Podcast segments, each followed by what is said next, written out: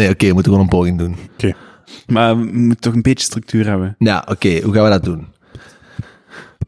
Iemand moet een beat geven. Hij was al bezig. Give Ja. me one.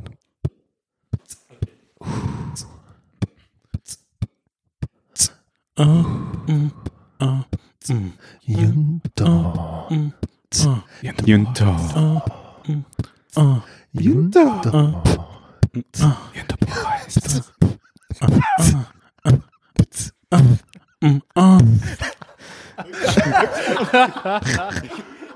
Xin?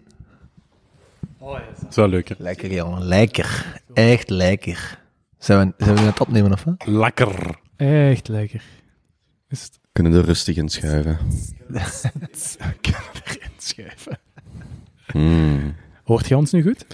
Eh, ja, valt wel mee. Ik moet gewoon opletten. Zeg je nu als startsignaal, we kunnen er rustig inschuiven. Ja, Hmm. ik lig hier gemanspread en we kunnen er rustig in schuiven. je bent echt serieus aan het manspreaden richting de Basha. Mm. Nice, noot. bro. Nice. Hey, we kunnen op deze noten starten. Wauw. Ligt het aan mij of heb ik eh, te veel van iets genomen of te weinig? Voelt jij je geïntimideerd door de kobus en noten die dat zich aan het serieus in je gezicht aan het duwen zijn? Ja, dat is wel, eh, dat is wel de moeite. Na de voorbije vier dagen voelt Basja zich door niks nog geen Nee, inderdaad. Ik heb... Ik heb eh, Ik zie, gewoon, ik zie gewoon geen Piet en ik zie geen noot. Ik zie gewoon zo'n vlek. hmm, Jullie ook, of niet? pas op, zelfs gaat dat? staan. Weinig relief. Meer relief in de bergen hier dan... Goed. Ja. Nu, gelijk jij daar straks met een witte bal speelde, dat was wel... eh, Maar je hebt het spelletje pool verloren. Dat is waar, hem. Dat is waar. Oei, oei, oei, oei. Gaan we beginnen opnemen, of hè? Het is al aan het tellen, jong. Staat er al allemaal op. Dat was gewoon de opwarming. Ja. Gelijk de, sp- gelijk de speaker van het stadion. Nee, maar wie, als dat erop staat, ik wil nu opnieuw beginnen. Allee, jong. Kom aan, dat is toch Het is oké. Basha, het is oké. Ja. Dat is Italië, of wat? We zijn er geraakt. Ja. hè. Even gereden. Hoe lang hebben we gereden? Eh, ja, hoeveel kilometer was dat? Vijf- 1500. Veel te veel, hè. Veel te veel. Een paar dagen aan een stuk. Ik ben heel blij dat we dat in drie etappes hebben gedaan. Mhm, Ja. Stel je voor dat je dat in één keer moet doen. Maar uh, Teun, misschien moet je even omschrijven waar dat wij hier zitten. Ehm, ja, we zitten in het pittoreske Todi, of in ieder geval de berglandschappen van Todi. We kijken uit op eh, de oude stad. Ehm, ja, ik voel me een beetje op retreat. We zijn Retraite. retraite. We zijn met ons gat in de boter gevallen. In een, eh, een huis dat iets te groot is voor ons. Ja, kunnen we wel zeggen, ja. Een living of vier, slaapkamer of zes.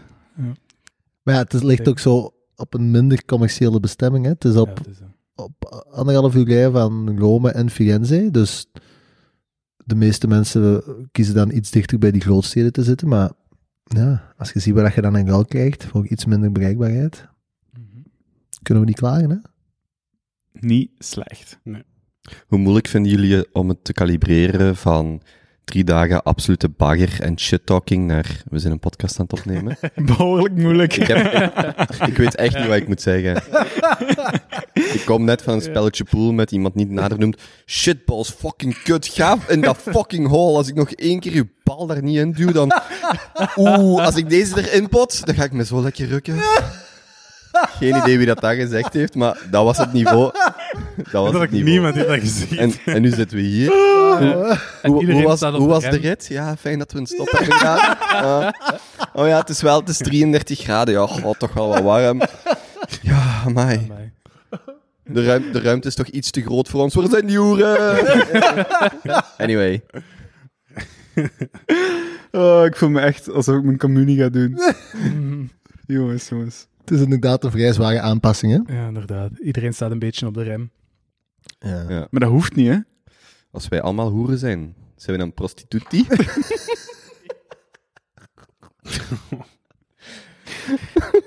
Misschien ook even uitleggen dat we hier sinds twee dagen een quoteboek aan het bijhouden zijn. Dus met allemaal quotes van dat er wordt gezegd. En eh, de heer Van Reppelen staat veruit op een 1 met ongeveer 90% van alle quotes dat er worden genoteerd.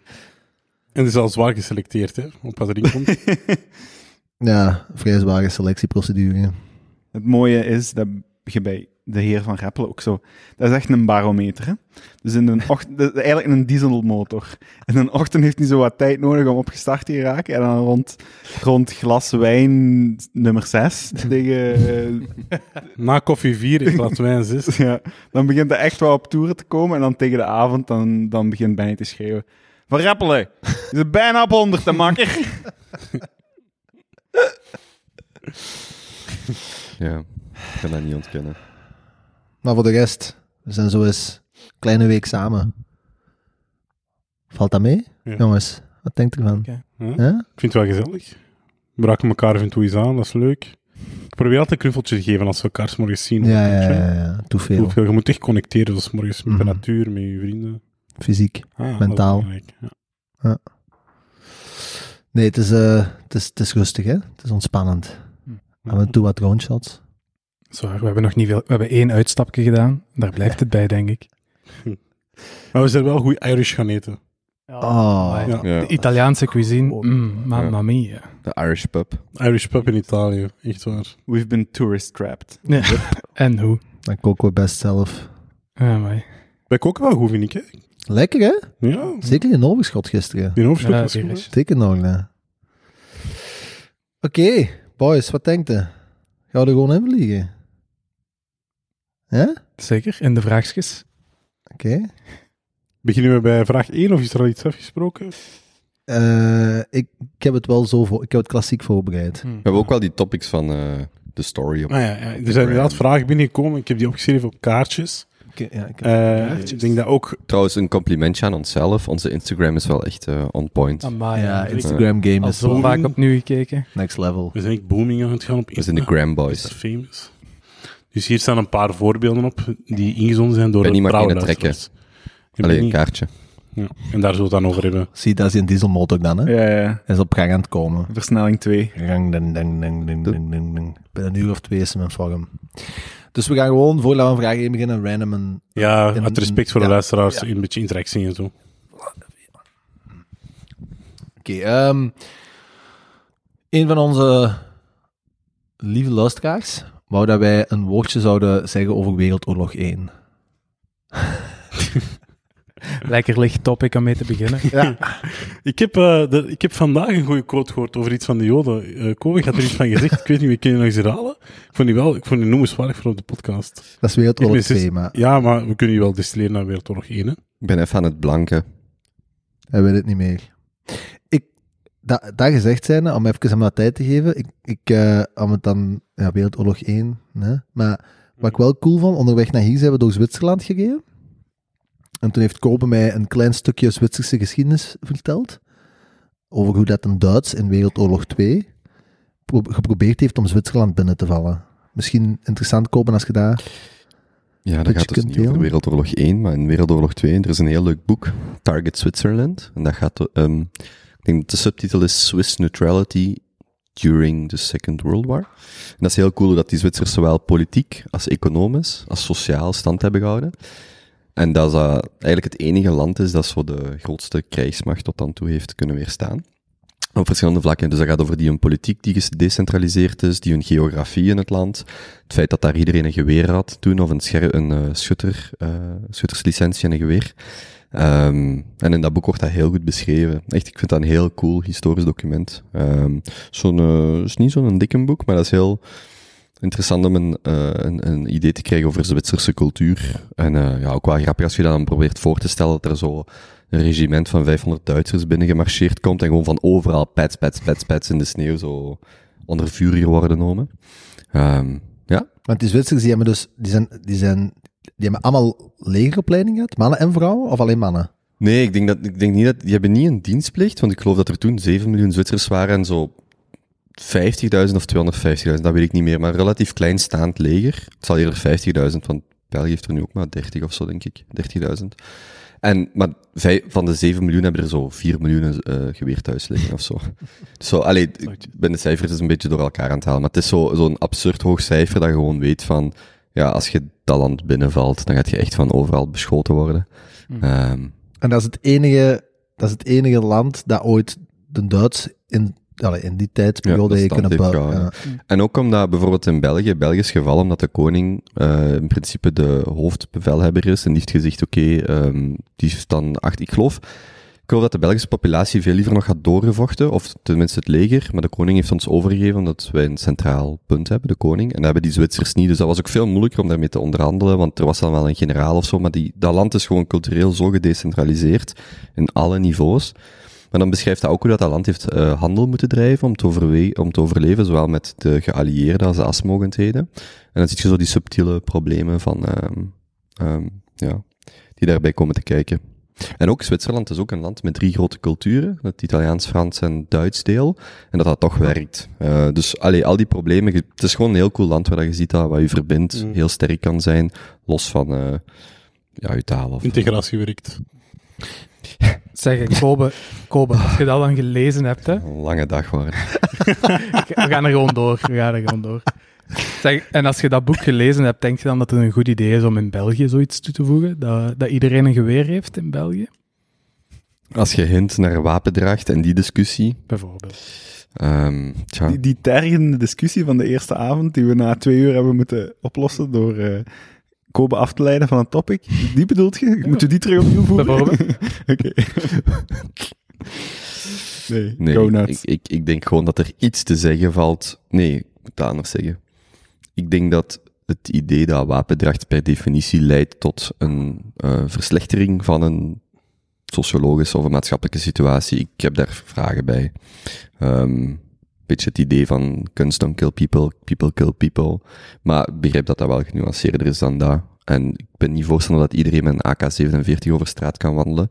Maar als ik dan bijvoorbeeld zo'n boek lees, dan denk ik dat de, alles wat zelfverdediging, voor alle duidelijkheid, eh, stimuleert. Dus ook bijvoorbeeld zelfverdedigingslessen, allerlei dat soort dingen kunnen ehm, over, want die wapenrecht bij de Zwitsers, dat betekent ook kunnen overleven in de bergen en zo, en je eigen stok hebben thuis en zo. Ik denk dat dat voor een cultuur, sterk individu, sterke maatschappij, dat is zo de lijn die ik bewandel. En als daar er een stukje wapendracht bij hoort, dan zie ik het probleem niet.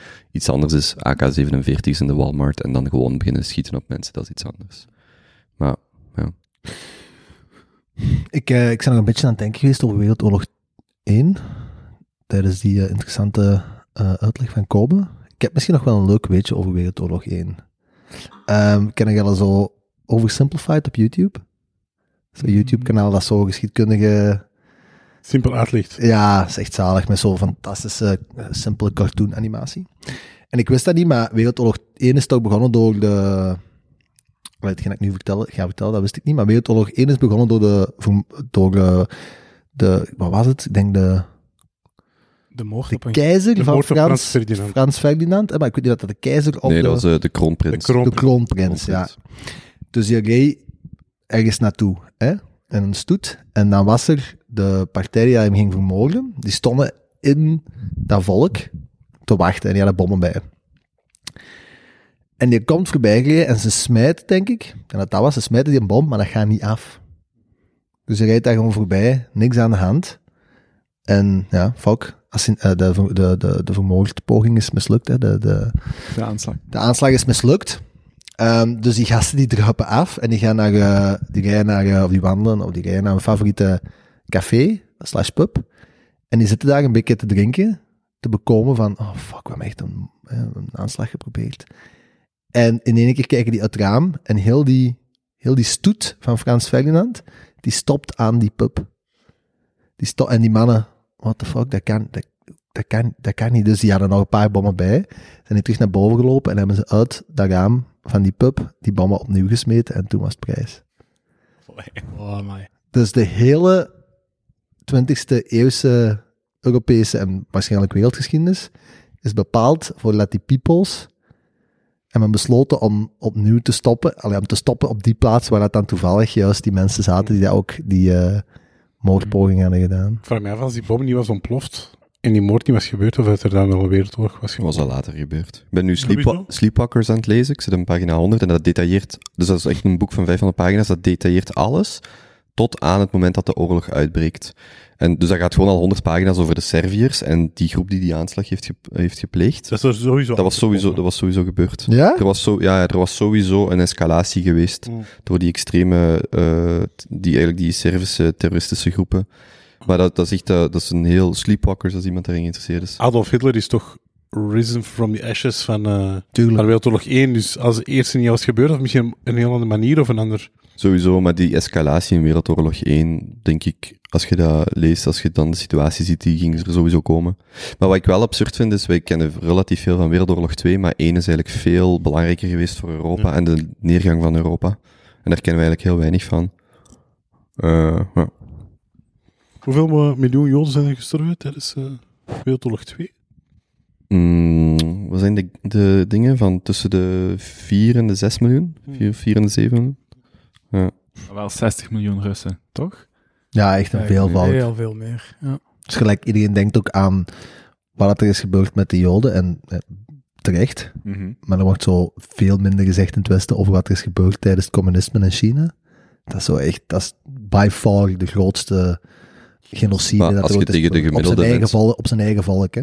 Ja, als je aan de gemiddelde mens vraagt, was de Bengaalse hongersnood? Brr. Dan is dat al het graan dat ze in Indië hebben verscheept in de Tweede Wereldoorlog naar eh, Engeland en Europa. En er zijn 3 miljoen Indiërs gestorven in 42, 43. Zodat wij, wij, allee, zodat er in Europa meer eten was. Niemand dat dat weet, hè. Dat was Winston Churchill zijn, eh, zijn beslissing om dat te doen, of heeft dat doorgeduwd? Niemand dat dat weet. Zullen we eens eh, zoeken naar een positievere noot? Niet zoeken, gewoon in het trekje. Ah, Oké, dan heb ik direct eh, een vettig verhaal getrokken. Oeh, Vettig verhaal. Aan wie zijn vettig verhaal moeten we strekken? hoe vettig moet je zijn om die suggestie te... Komt dat ook van een vettige luisteraar? Dat weet Komt ik van een heel vettige luisteraar. Ja, van Een wie? vrouwelijke vettige Ah luisteraar. ja, Ja, Juist. Ja, dat- dingetje. Was niet dat niet... eh Ja, Vettig die, eh, hè? Kobo, hoe noemt hij weer? Dingetje. die zit echt met haar billen op Geen de idee. stoel vastgeknepen nu. Geen idee. wacht, ik kan het direct bevestigen voor jullie. Hoe vettig dat die is. Hier. Wat, eh, Ah ja, ja, inderdaad. Ik heb haar eh, gevonden. Ik ken haar wel niet, maar ik, ik zal die beschrijven. Ik zal die, eh, Beschrijf ze eens, Pasha. Ah ja, oké. ik zie hier een profielfoto en er staat op, ik wil naar huis. Ik weet niet hoe vettig ze is. Geen idee. Vettige verhalen, jongens. Ja, heel veel, maar zo op commando is Ja, moeilijk, hè. spot. Ehm, maar was ik niet in de week weer aan het vertellen? Ja, nee. Nee, nee, nee. nee. Het is grappig, hè, bij het avonddaten aan de lopende band. Oh, Nee, stop niet. dit. Ja. Niks. Ik vind het moeilijk. Misschien komt er speed eentje binnen. Ben ik de enige die in het zwembad geplast heeft?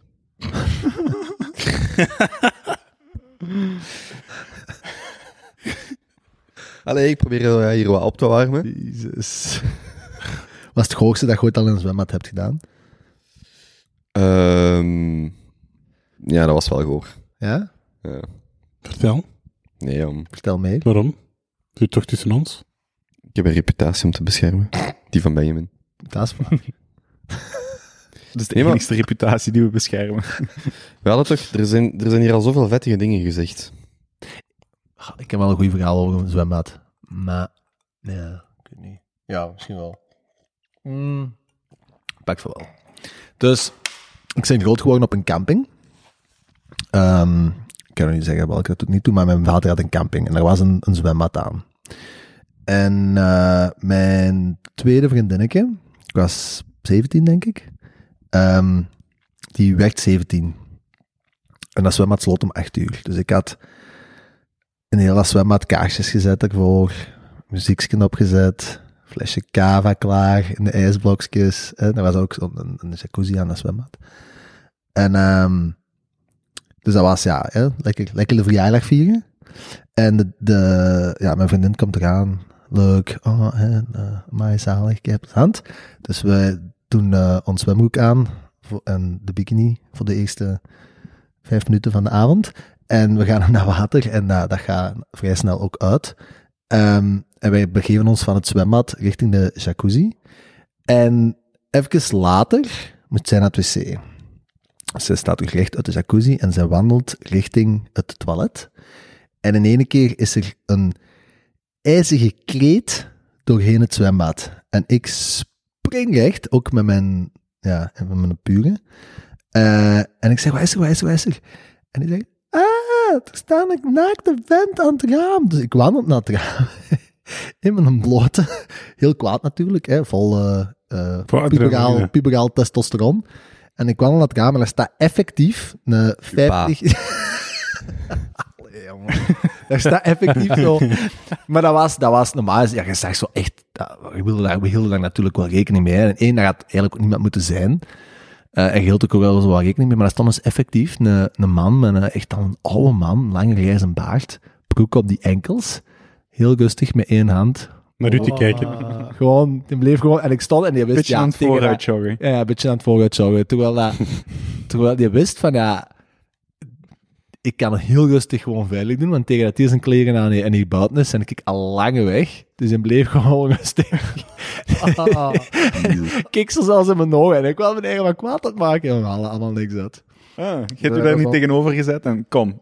Snel. Voor het snelst, jongen. Zo zien. Voor het eerst tegen dat raam.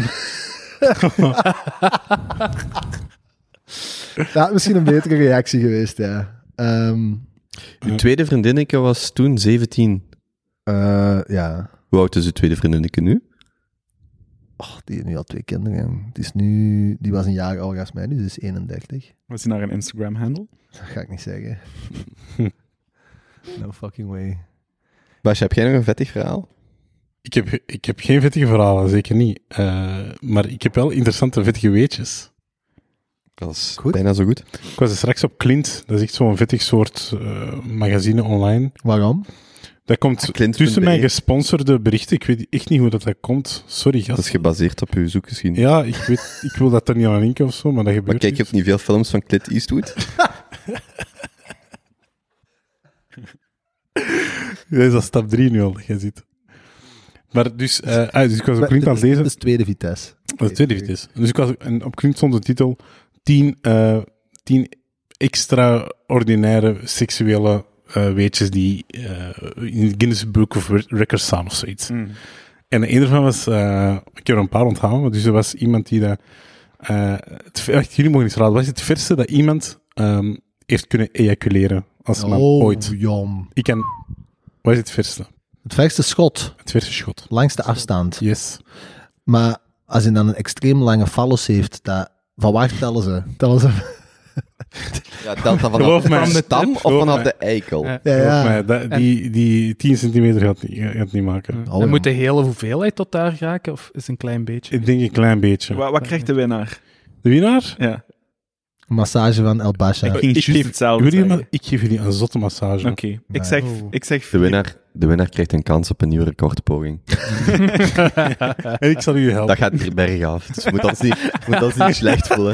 De in ons terug. Van die af. Jonas met zijn drone over. Heel cinematisch. En, en, dan zo, en dan zo op de salamander, dan zo nog zo wegschiet. Zo. Tot een, tot een Alltown. Salamander. Oh. Goed, goed, goed. Oké, we, gaan, een- we gaan een trucje doen, om te beurten. Eh, wie wil er beginnen? Jonas, wil jij beginnen misschien? Ik zal beginnen. Ehm, ik zou zeggen vijf meter. Vijf meter. Vijf meter. Oké, vijf meter. Jom. Maar het Vijf. verste, hè? Het verste van ter wereld. Ja. Maar wacht, ik ben hier een beetje, ik ben hier een beetje aan het nadenken. Hè. Dus ges- zo van, van hier tot hier. Hoe, hoe is dat? Dat is v- 40 Dat is centimeter? 40 centimeter. Is dat standaard? Is het, is aan het eiken? Is dat zelf ervaren? Nee, ik zeg BMI is tot aan zijn Ik ben teken. niet eens aan het extrapoleren. Ik schiet tot in mijn baard, dus dan... Een gewone dag in mijn baard, een speciaal dag mijn linkeroog. Ja. Nee, dat was ik dus niet aan het doen. Ehm, eh, maar eh, wacht, hè. Hoe, hoe, ja, ja. We hebben al vijf meter, Meter, een bod ja. van vijf Ik pak ja. zeker de onder. Ik zeg 3 meter 69. 3,69. Mooi. Nice. Mooi getal. Prachtig. Ik zeg 4, eh 25. 4,25. 4 meter 21. Misschien moeten we eens, even gaan, gaan echt dat gaan meten. Maar hoe? Ja, koop hoeveel? 550. 5,50? U zit er allemaal onder.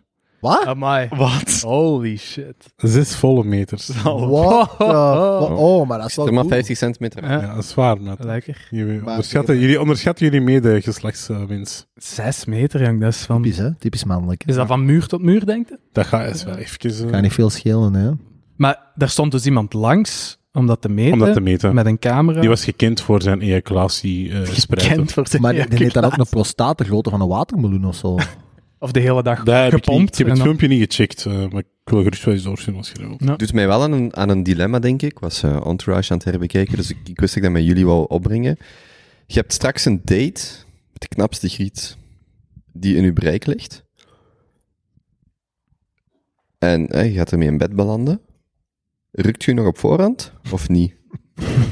De meningen zijn verdeeld. Dit vat het toch echt samen. Hè? Van genocide, Wereldoorlog 1 en de Zwitserse manier van regeren tot Tot dat- afstand van fucking... Ah, dat is het beste.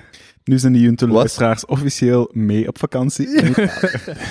Wat zijn jullie, wat zijn jullie ervaringen? Maar mag ik nog één, mag ik een bijvraag stellen of niet? dat is al een vraag, maar doe maar. Je zegt straks een date. Is dat dan, ik sta morgens op en ik heb vanavond een date? Of, Stel, je weet nu dat je morgenavond een date hebt. oh ja, En, en je weet dat je in bed gaat belanden.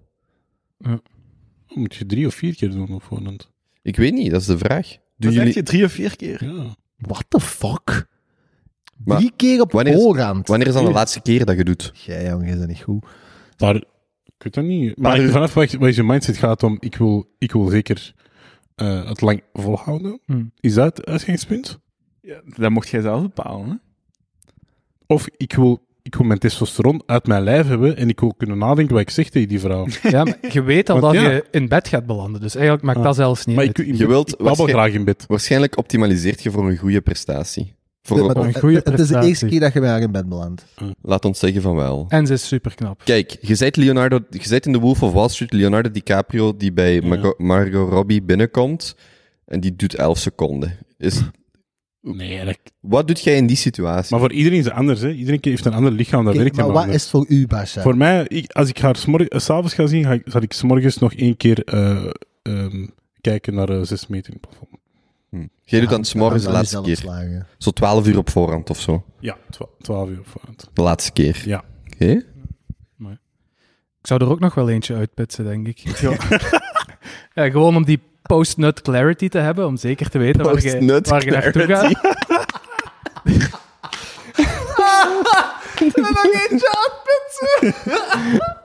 Jezus, dat is goed. Zodat je er volledig bij bent, ja, als je daar bent. En, en uithoudingsvermogen. Zie, ja. kijk. Ja.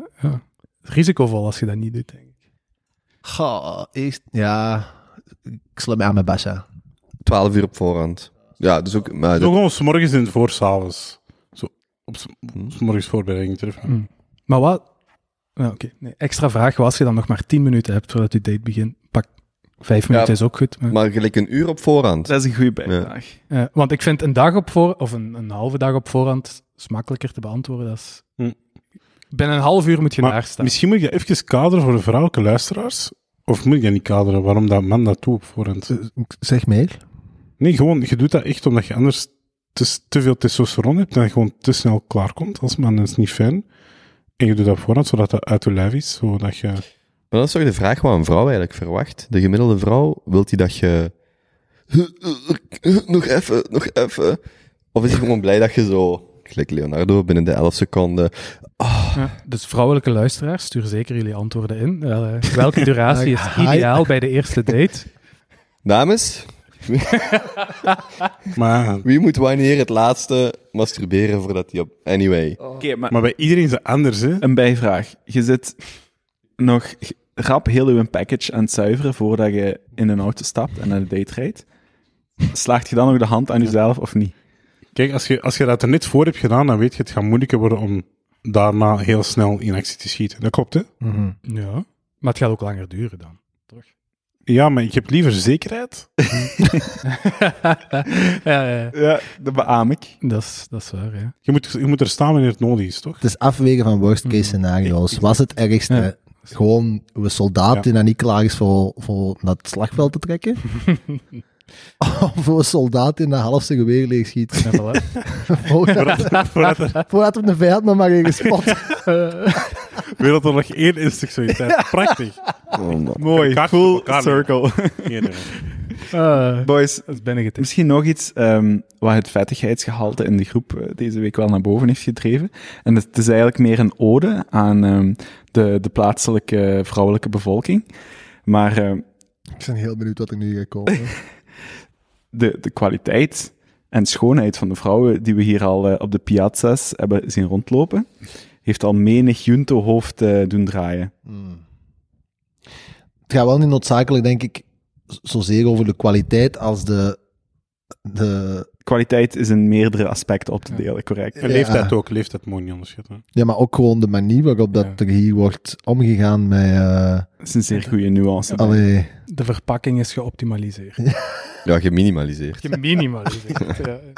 De, de, de ehm, nationale skill die ze hier bezitten, het, het beschilderen van fresco's. We zien dus dat het eigenlijk zich verplaatst heeft naar het achterwerk van de vrouwen. Want al die broekjes. Dat lijkt de, de richting waar wij uitgaan in deze podcast is echt helemaal mijn ding. Teun, als de gecumuleerde leeftijd 30 is, hoe oud zijn die twee grieten dan? Wie- Ik weet niet wie die... Jij, Jonas heeft die vraag gesteld. Nee, maar dat is wel waar. Het is echt... eh, het doet ook eh, tot de verbeelding spreken. Het lijkt effectief... Ik heb, ik heb er al twee of drie waar ik echt van denk, dat is geschilderd. Dat Ja. is niet echt. Ja, inderdaad. Zo, zo minimalistisch is het er rond verweven. Ze zijn hier gewoon heel goed in de productie van jeansstoffen. Flinterdun, nanomaterialen. Na- ja, jong. Cutting edge. Nieuwe testen voor Versace en Givenchy. Givenchy. Chanel. Ja, dus dat is... ehm, dat heeft Misschien, onze eh, harten al beroerd. Zullen we iets nieuws trekken? Doe maar. Nee, doe maar, doe maar. Maar wacht, jongens, gaan we die allemaal eerst af of gaan we zo Zijn er ook zijn er nog maar vier of vijf? Ah ja, ja. Misschien zo wat... Misschien nu, nu een stukje voorbereiding. Eentje ja, voorbereiden? voilà. Hmm. Misschien vraag 1 nu. Ah, ja. En dan na vraag 1 kunnen we nog een paar plukken. Dat is goed. Ja, ja. Misschien moeten we omschrijven wat er nu aan het gebeuren is. Kom. Ik Ja, zal dus- direct gewoon op de Insta. Ik zag, ik zag eh, ik denk dat Jozef een uh, okselvijvertje bij zichzelf heeft vastgesteld. Ehm, en ik denk dat hij zich een beetje oncomfortabel voelt, waardoor dat hij nu zijn knoopjes open doet. Eén voor één. Hij spant zijn borstkas op. Laatste zit er- wat zit is er- wat moeilijk. Beschrijf die borstkas eens. Die borstkas is een soort van mijnenveld voor elke geile griet of vent. eh, waar ook trapt. Je staat op punt van te exploderen. Jozef, je ziet er eigenlijk extra naken uit als je enkel een koptelefoon op hebt. Oké, Ehm, bon. Jozef Ehm, is nu zijn eh, hemdje aan het uittrekken. Mag dat het verhaal? Zeker.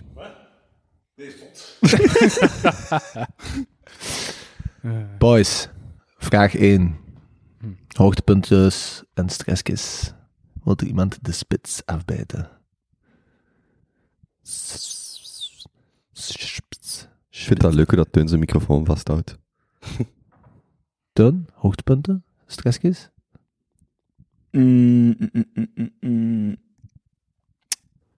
En Ik ga direct springen naar iets, eh, iets technischer. Ehm, hoogtepuntje van de afgelopen maand. eh, ik, zit in, ik zit in zo. Ik ben toegelaten tot een of andere Telegram-groep waar een hoop traders eh, samen liggen te, te roepen en te schreeuwen over welke assets en, en eh, crypto-stonks ze nu weer ehm, Crypto stonks. te, te pakken hebben. Wacht, eh, Jozef is zijn shirt al terug aan het aandoen.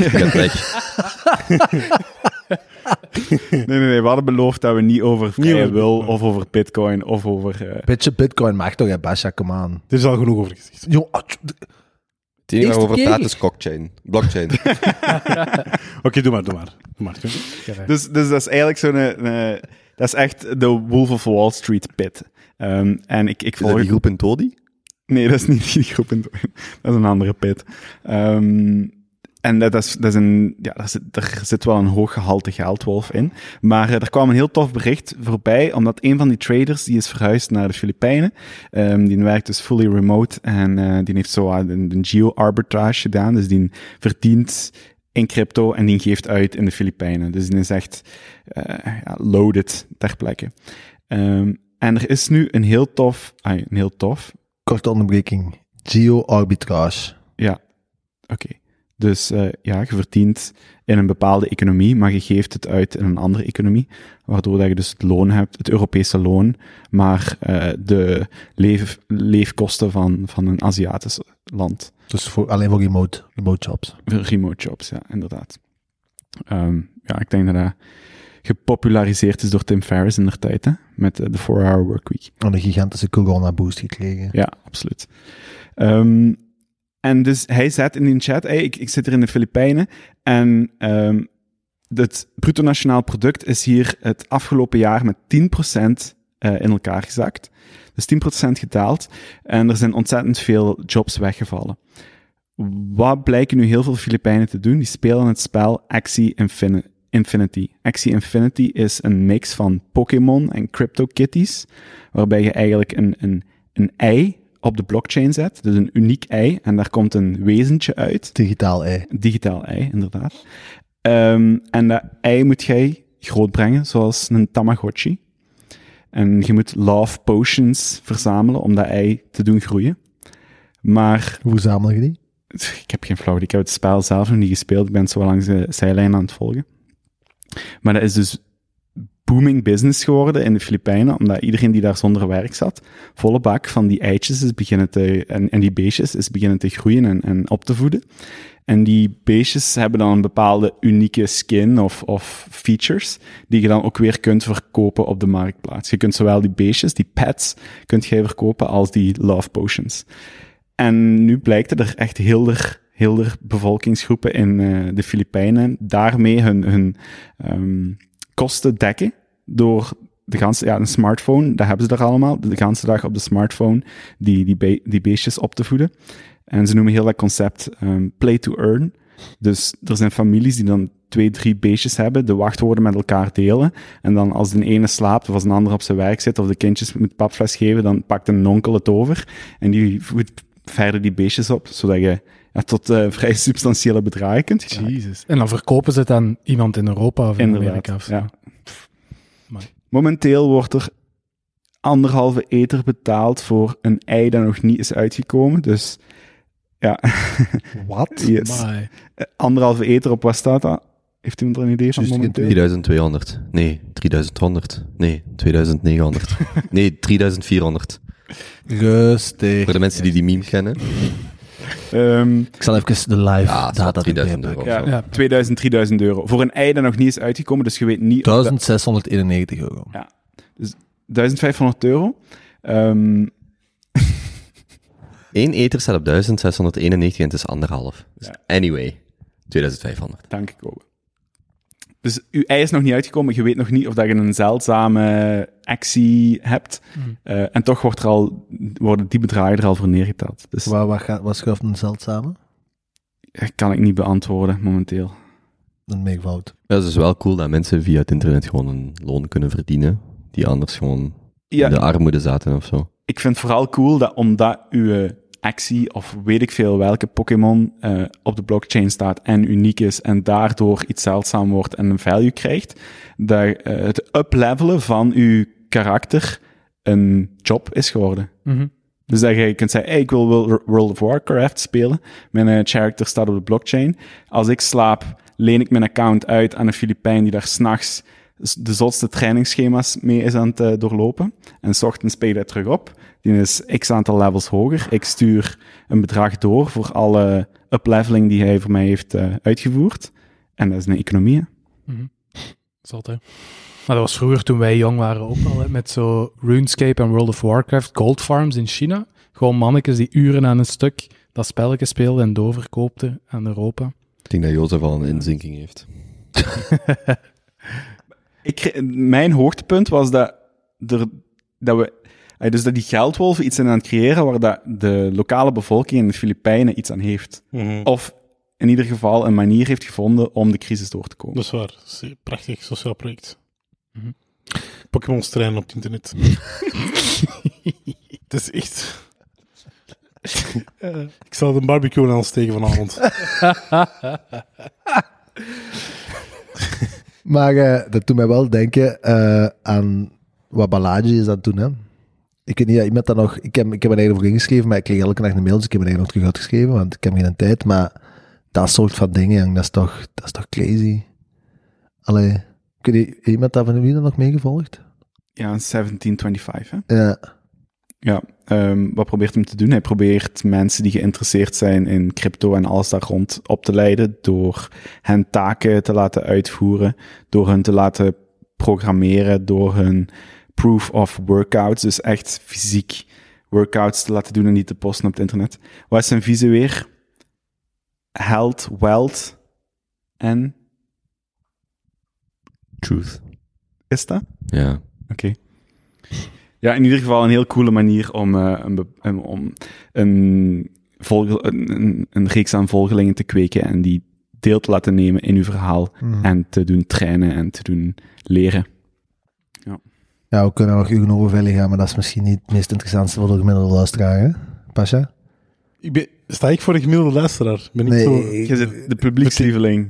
Nee, ik ben de vertegenwoordiger van de... Van Je onze antibarometer. Ja. Meer stop, jij in met die, stop valt. met die Pikachu's en, eh, al die mannen die daar geld verdienen in de Filipino's. Wat was uw hoogtepuntje dan, Basje? Mijn Afgelopen hoogtepunt maand. Of dieptepunt. Of, of stress. Of stressje? Oh, ehm, ik heb eh, geleerd hoe dat je eh, bitcoins kunt uitleggen in een mensentaal. ja, Oké. Ja. Go nuts. oké, dus, Basja en, ben ik Jonas spenderen een rit samen. ja, dus ik zat eh, ongeveer...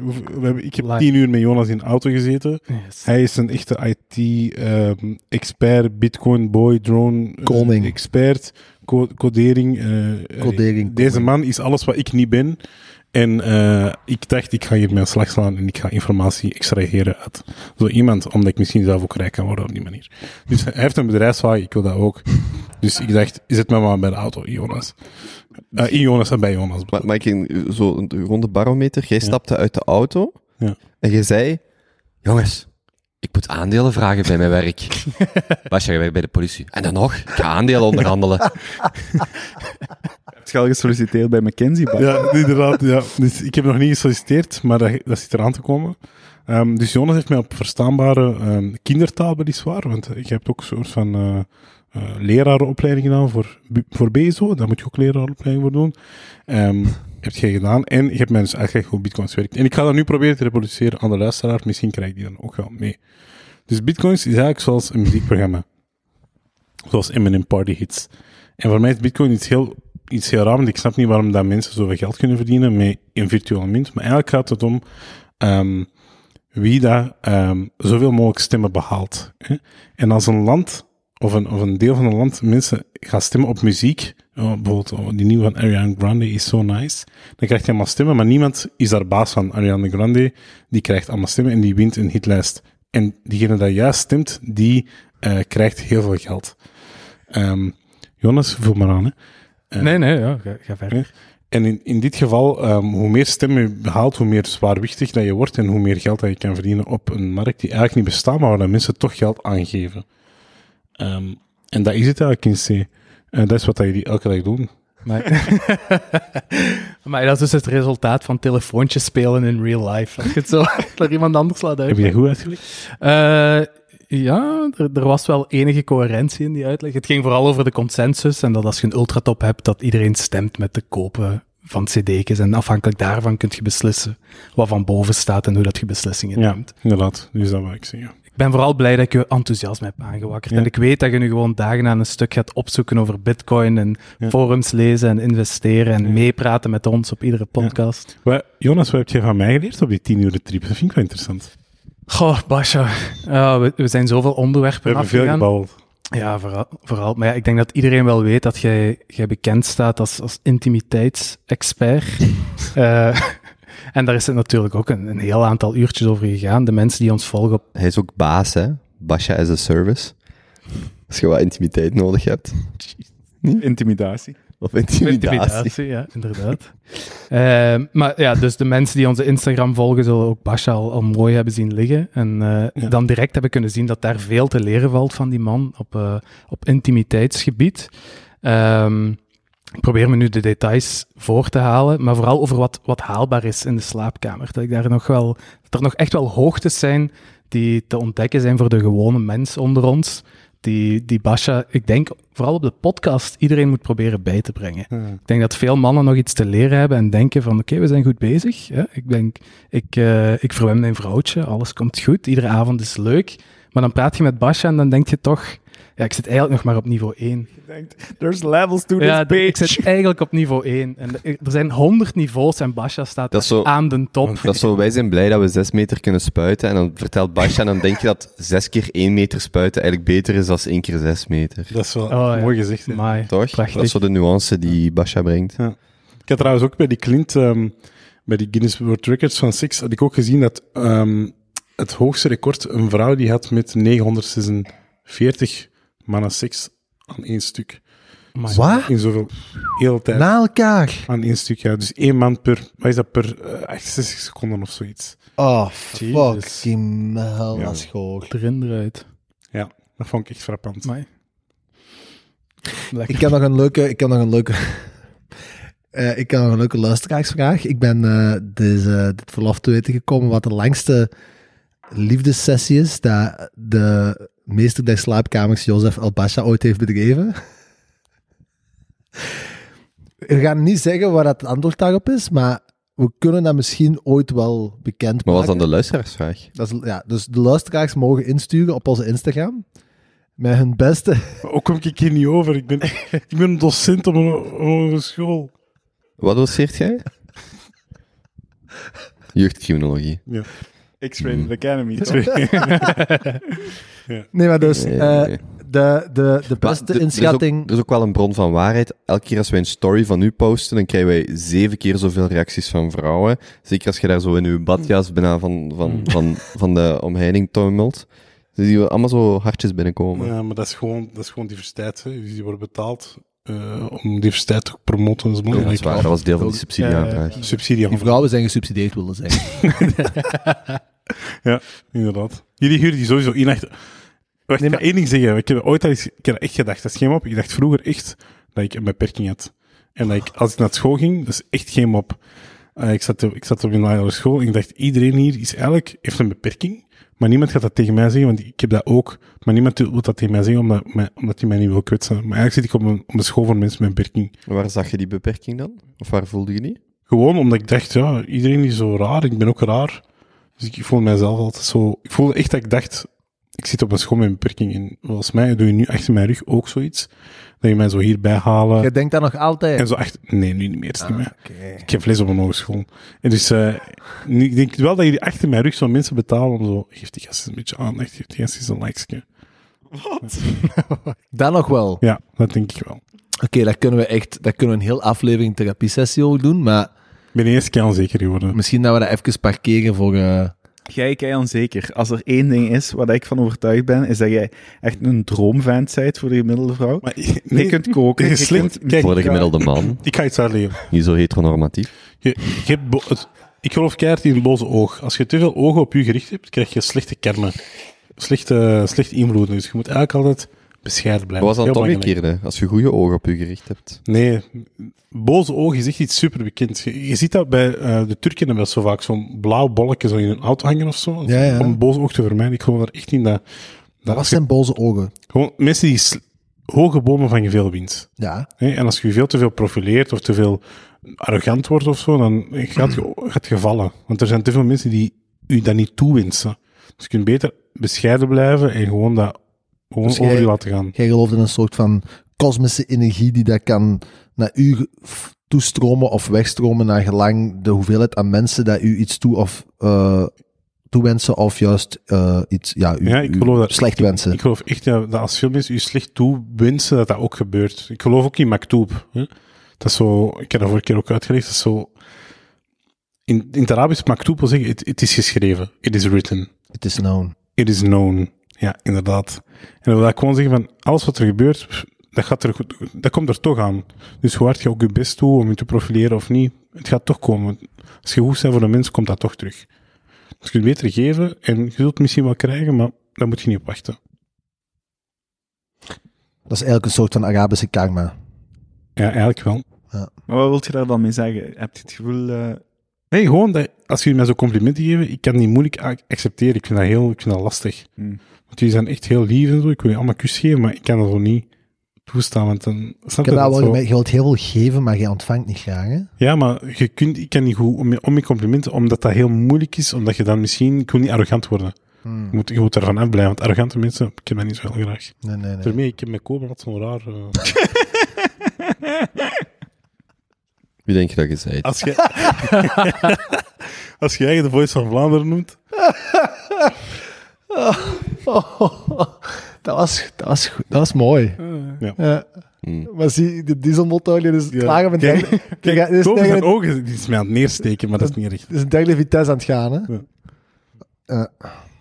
Maar dus ehm, nog altijd de beste, de beste eh, indicaties van wat jullie denken dat ehm, onze eerste eh, Libanese prins eh, zijn beste poging in de slaapkamer was mogen Ja.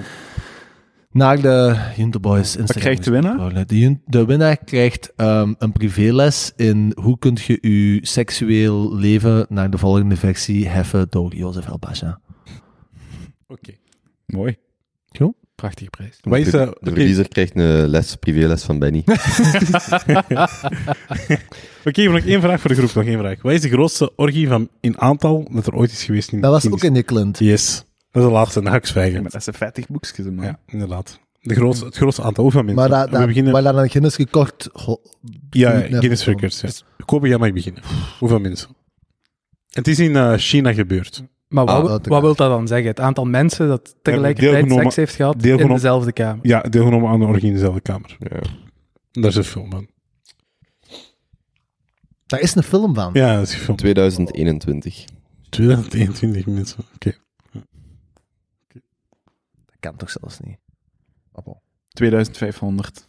Ja. En tw- 501. Oké. 2021. Ja. 777. 777. Triple C.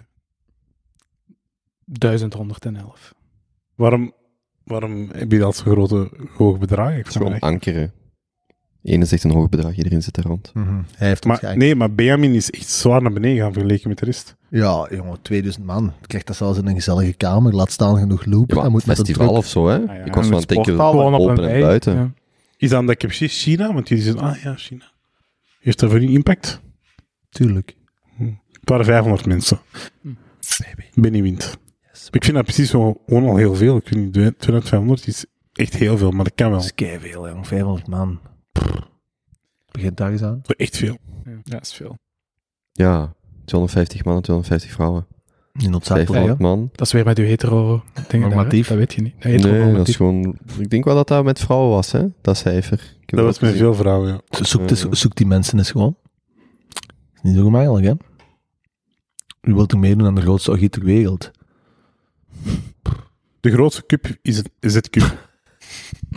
Oké, and there we round off.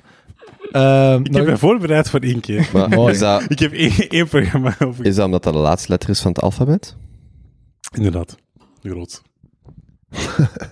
Kobe, hoogtepuntje of stressje?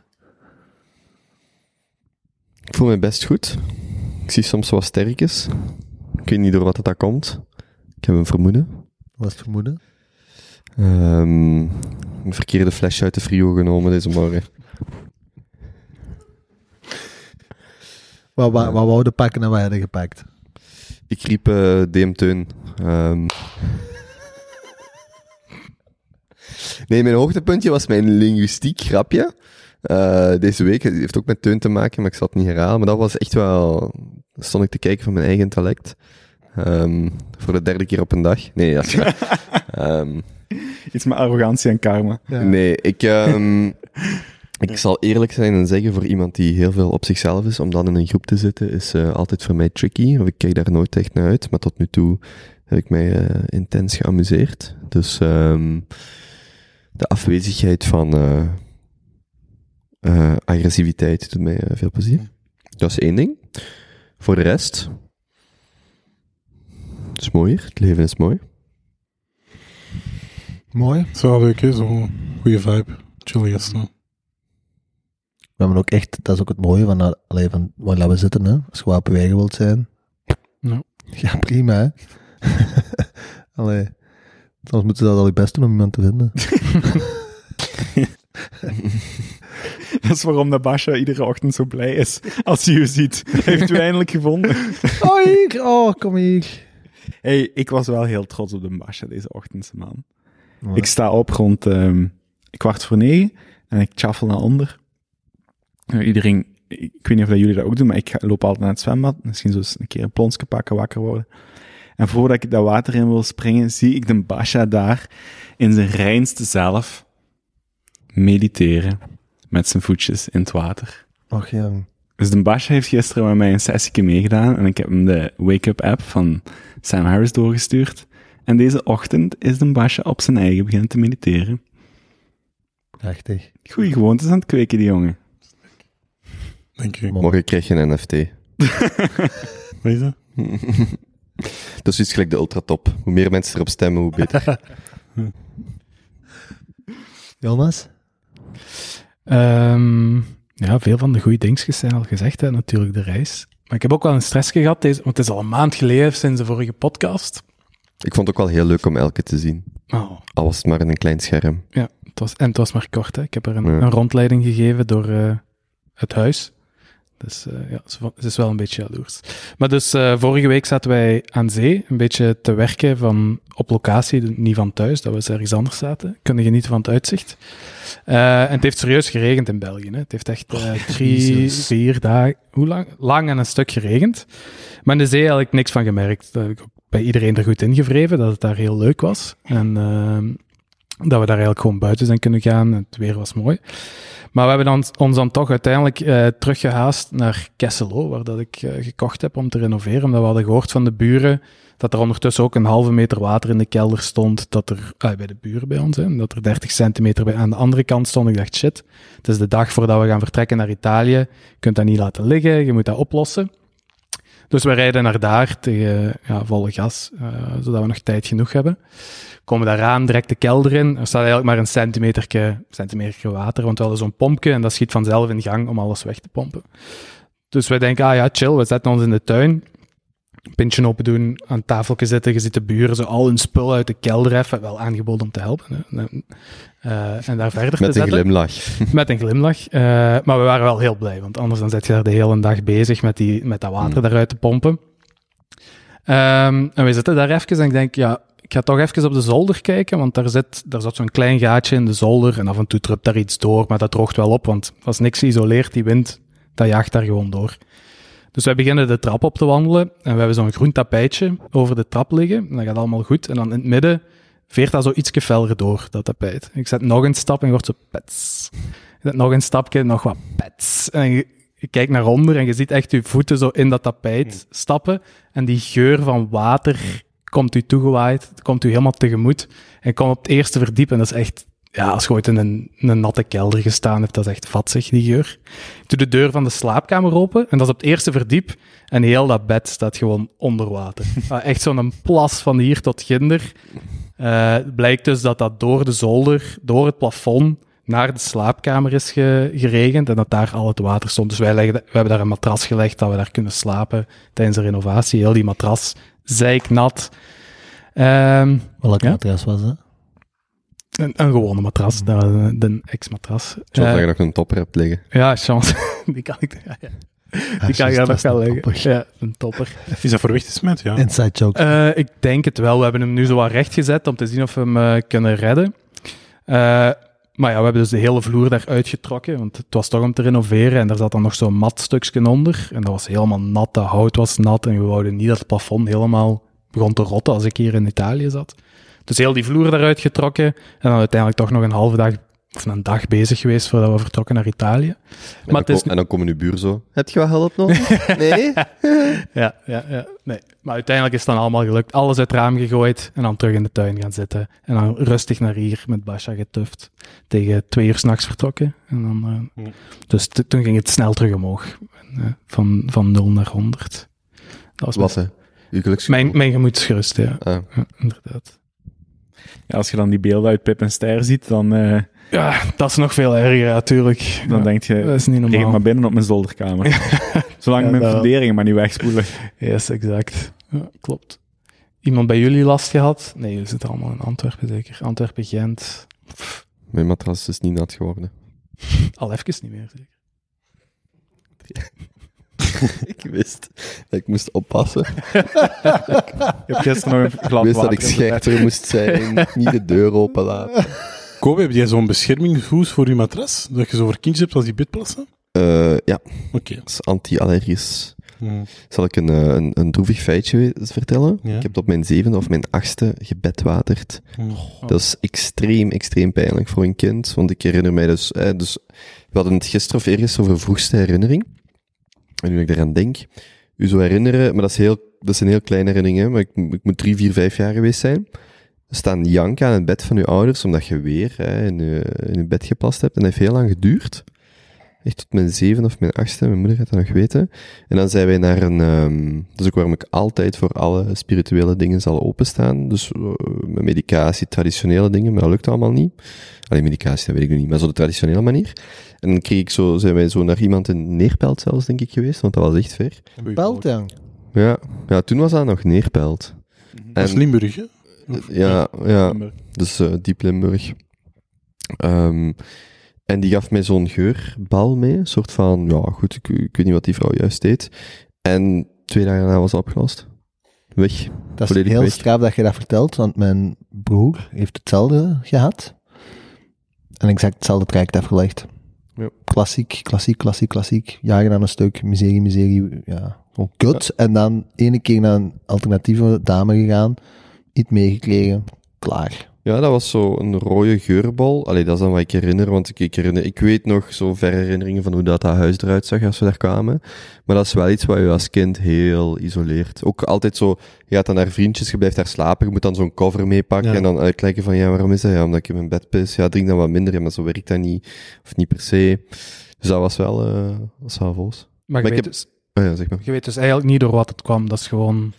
Nee, nu, ik denk als ik dat nu bekijk, wat je wel vaak ziet, is dat er gewoon, dat er psychologisch ergens een blokkage is of een reden, en, en, of van de stress of zo, dat weet ik niet, want het feit dat dat gewoon ineens stopte, en nu ook, eh, en alleen dat was dan daarna, maar dat is nu ook, ik kan nu drie liter drinken bij wijze van spreken, ik kan dat zelfs, ik word nu gewoon wakker om naar het toilet te gaan, Ja.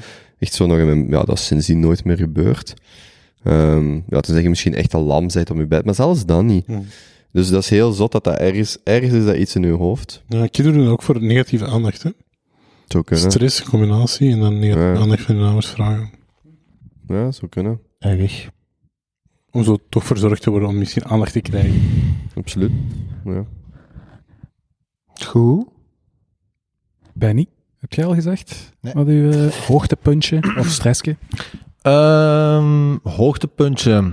Ik ben gewoon zeer blij om op vakantie te zijn. Ja. Ja. Eh, Wel goed, je zit het goed aan het doen, hè?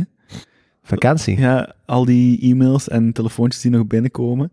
ik, ik heb u gisteren eentje zien afwimpelen, die u nog een consultancy traject probeert te verkopen. Ehm, je mocht mij terugbellen eh, begin augustus. Nee, je krijgt geen één minuut. Begin augustus. Echt? Dag, bye. Ja, Jan, zeg. Ja, maar ik, eh, ik weet dat gewoon, dat, dat is belangrijk. Je hebt, je hebt ehm, in mijn perceptie, of in mijn ervaring, je hebt go-time en je hebt no-go-time. En deze is no-go-time. dus dat is gewoon, gewoon ontspannen, jong. Zien dat je die batterij hebt opgeladen. Want als je dan terug, Ja. terug moet gaan, dan moet je zien dat je dat, je dat rugzakje terug hebt leeggehaald.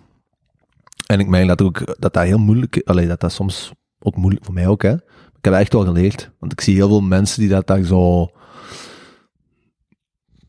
Het is altijd, het is altijd 50-50. Je bent altijd een beetje aan het werken. En je bent altijd een beetje rustig aan het doen. Maar daar geloof ik gewoon persoonlijk niet in. Ja, daar geloof ik echt niet in. Dus gaan, gelijk door de week is dat bij mij ook, hè. Door de week, van maandag tot vrijdag is het gaan. Dat is heel strikt, geen alcohol, hè, harde stop, al dat. Eh, en dan het weekend is het ook proberen, dat lukt niet, natuurlijk niet altijd, hè, maar zoveel mogelijk wel ook dat loslaten. Ja. Dat begint bij vrijdagavond 6 uur.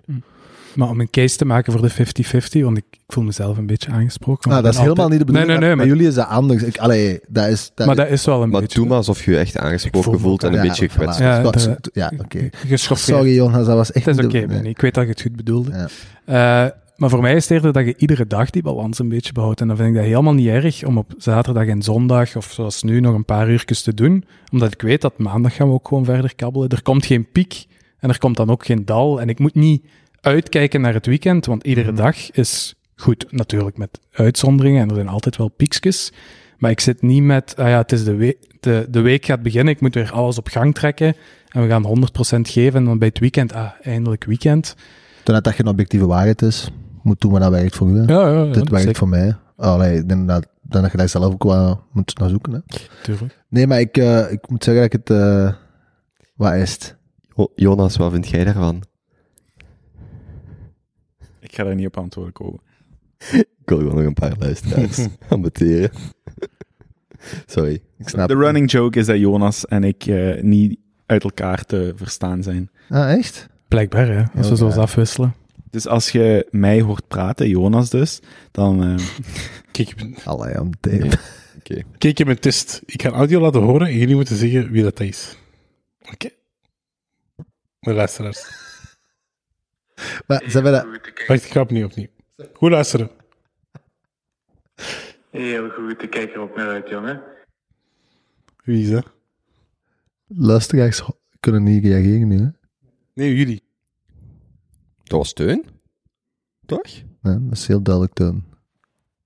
Was dat toen? ik dacht dat Jonas was. Ik weet wie het is. Heel goed, ik kijk er ook naar uit, jongen. Nog een kleine recap dan. Ah, dat is Jonas. Nee, dat is Jonas. Dat is Jonas. Zo via microfoon. ja, ja. Shit. Maar, Nee, kijk, wow, zot. alsjeblieft. Ik, was, ik was zelf ook aan het twijfelen. Oké, dat is effectief een is. issue. Maar ja, dat klonk, dat klonk echt gelijk teun. Ja. Effectief een ding. Ja. Ehm, ja, nee. Dus dat is gewoon... vanaf nu gewoon iets hoger praten.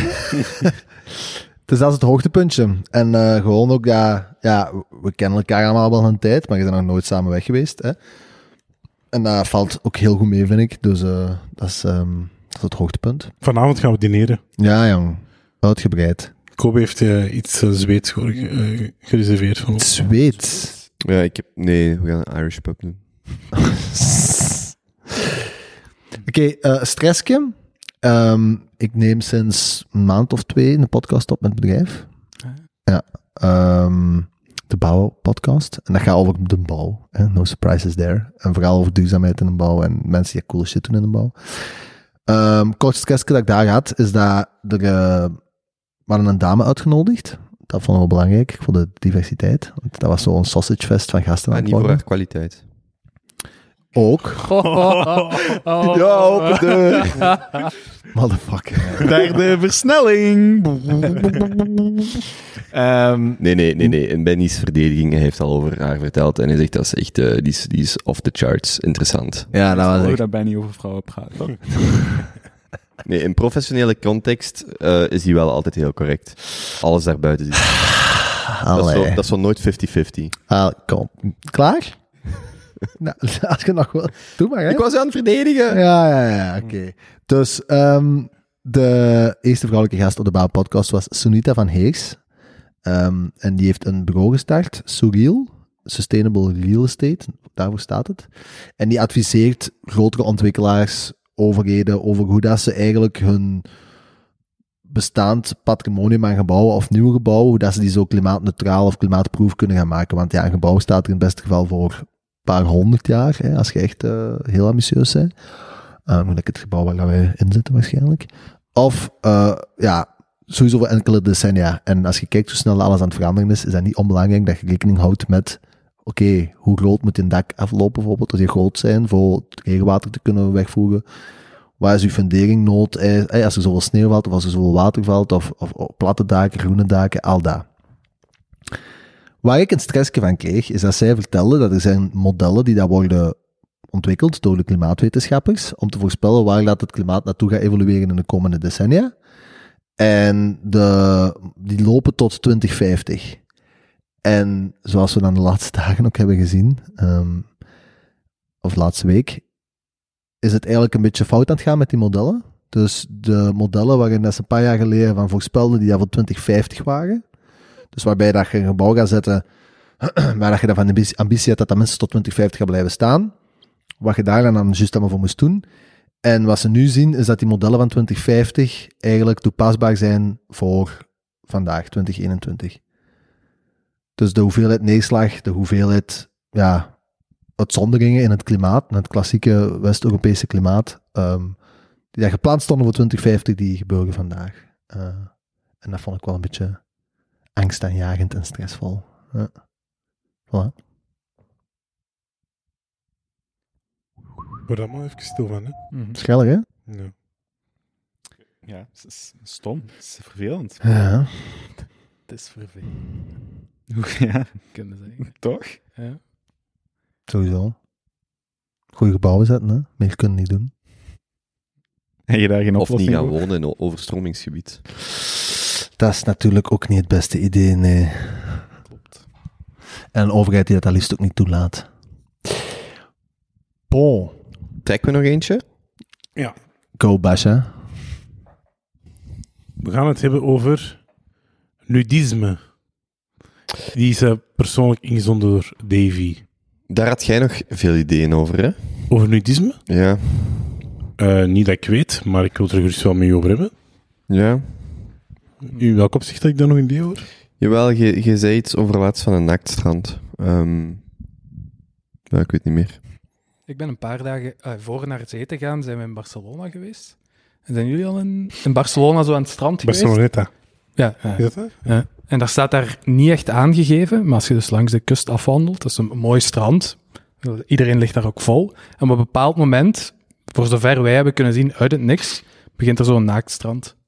Dus in het midden van, de sta- eh, het midden van het drukste strand dat er is, begint er een naaktstrand. Loopt dan even verder en daar stopt dat. En dan zit er dan vol met ja, nudisten en zo.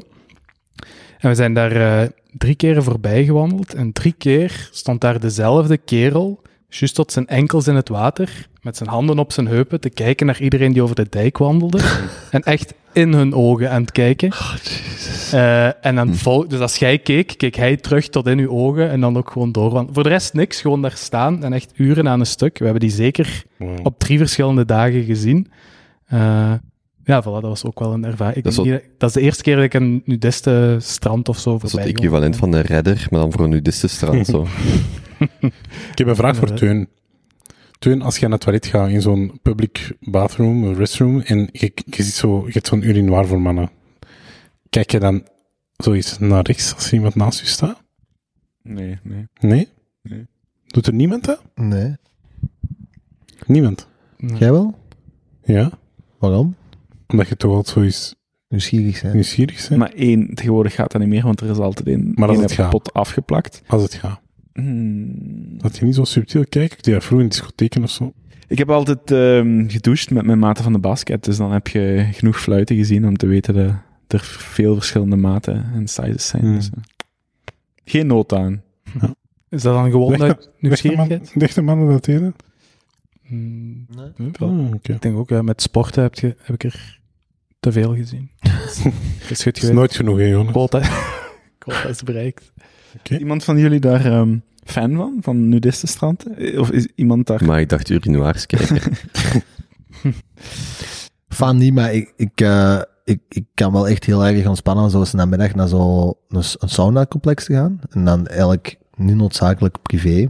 Liefst zelfs niet, omdat dat meestal een beetje een ja, forte sekscabine is. Ehm, wat ook leuk kan zijn, hè. Maar dat is niet zo... Ja, als je echt naar zo'n goed complex gaat, heb je zo verschillende sauna's, zo verschillende baden. Allee, dat is wel echt... Hoeft je niet in iemand zijn zaadvijver te kruipen? Exact. Ehm, en dat maakt, allee, als dat mijn zwembroek of zonder is, dat maakt voor mij persoonlijk nu wel niet zoveel uit. Hm. Maar dat is ook geen meerwaarde als het zonder is. Snap je? Mhm. Het is niet dat ik, als ik tussen twee zou moeten kiezen en het een is zonder en het een is mij, dat ik sowieso voor dat zonder zou gaan. Ik vraag me wel af, en dat vond ik nog wel misschien, als je nudiste activiteiten, hè, van sauna's tot campings tot weet ik veel wat, als je dat zou moeten shorten of zou moeten long opgaan, wat zou je dan doen? Oké, dus de vraag is, is het businesspotentieel van nudistenactiviteiten groter sinds corona of wat? Gewoon, ik weet niet, in het algemeen. Zou, het, zou, dat, zou, het, zou dat segment van de menselijke maatschappij, zou dat gaan toenemen of zou dat gaan afnemen in de komende jaren? Ik denk toenemen. Ik denk dat ook. Waarom? Ik denk hoe meer dat je leeft gelijk wij leven, dat zo dat alternatieve, zo van het een naar het ander gaan, dat dat wel populairder wordt. Hoe bedoelt je mij van het een naar het ander gaan? Ja, dat is zo, gelijk nu, er zijn heel veel mensen die ten eerste al geen toegang hebben tot een strand. Ik bedoel, gewoon eigenlijk in Barcelona heeft iedereen bij wijze- maar gelijk wij in Antwerpen, waar kunnen we naar een strand bijvoorbeeld? Dus zodat er zo heel veel mensen zijn. En dat je dan meer het extreme opzoekt. Dat een gewoon strand, dat je dan liever naar, ik kan me wel voorstellen dat mensen zeggen, ik ga liever naar nudistenstranden in mijn verlof, als naar een gewoon strand. Hm. Allee, of om op uw vraag te antwoorden, dat die stranden het aan zich wel goed doen. Denk ik. Is dat niet een speciaal soort volk dat er ook zit? Of is dat een rare veronderstelling? Oké, laten we het speciaal soort volk beschrijven dat Ja. we denken dat op een nudistenstrand zit. Mhm, Ik heb daar inderdaad een vooroordeel over. Ja.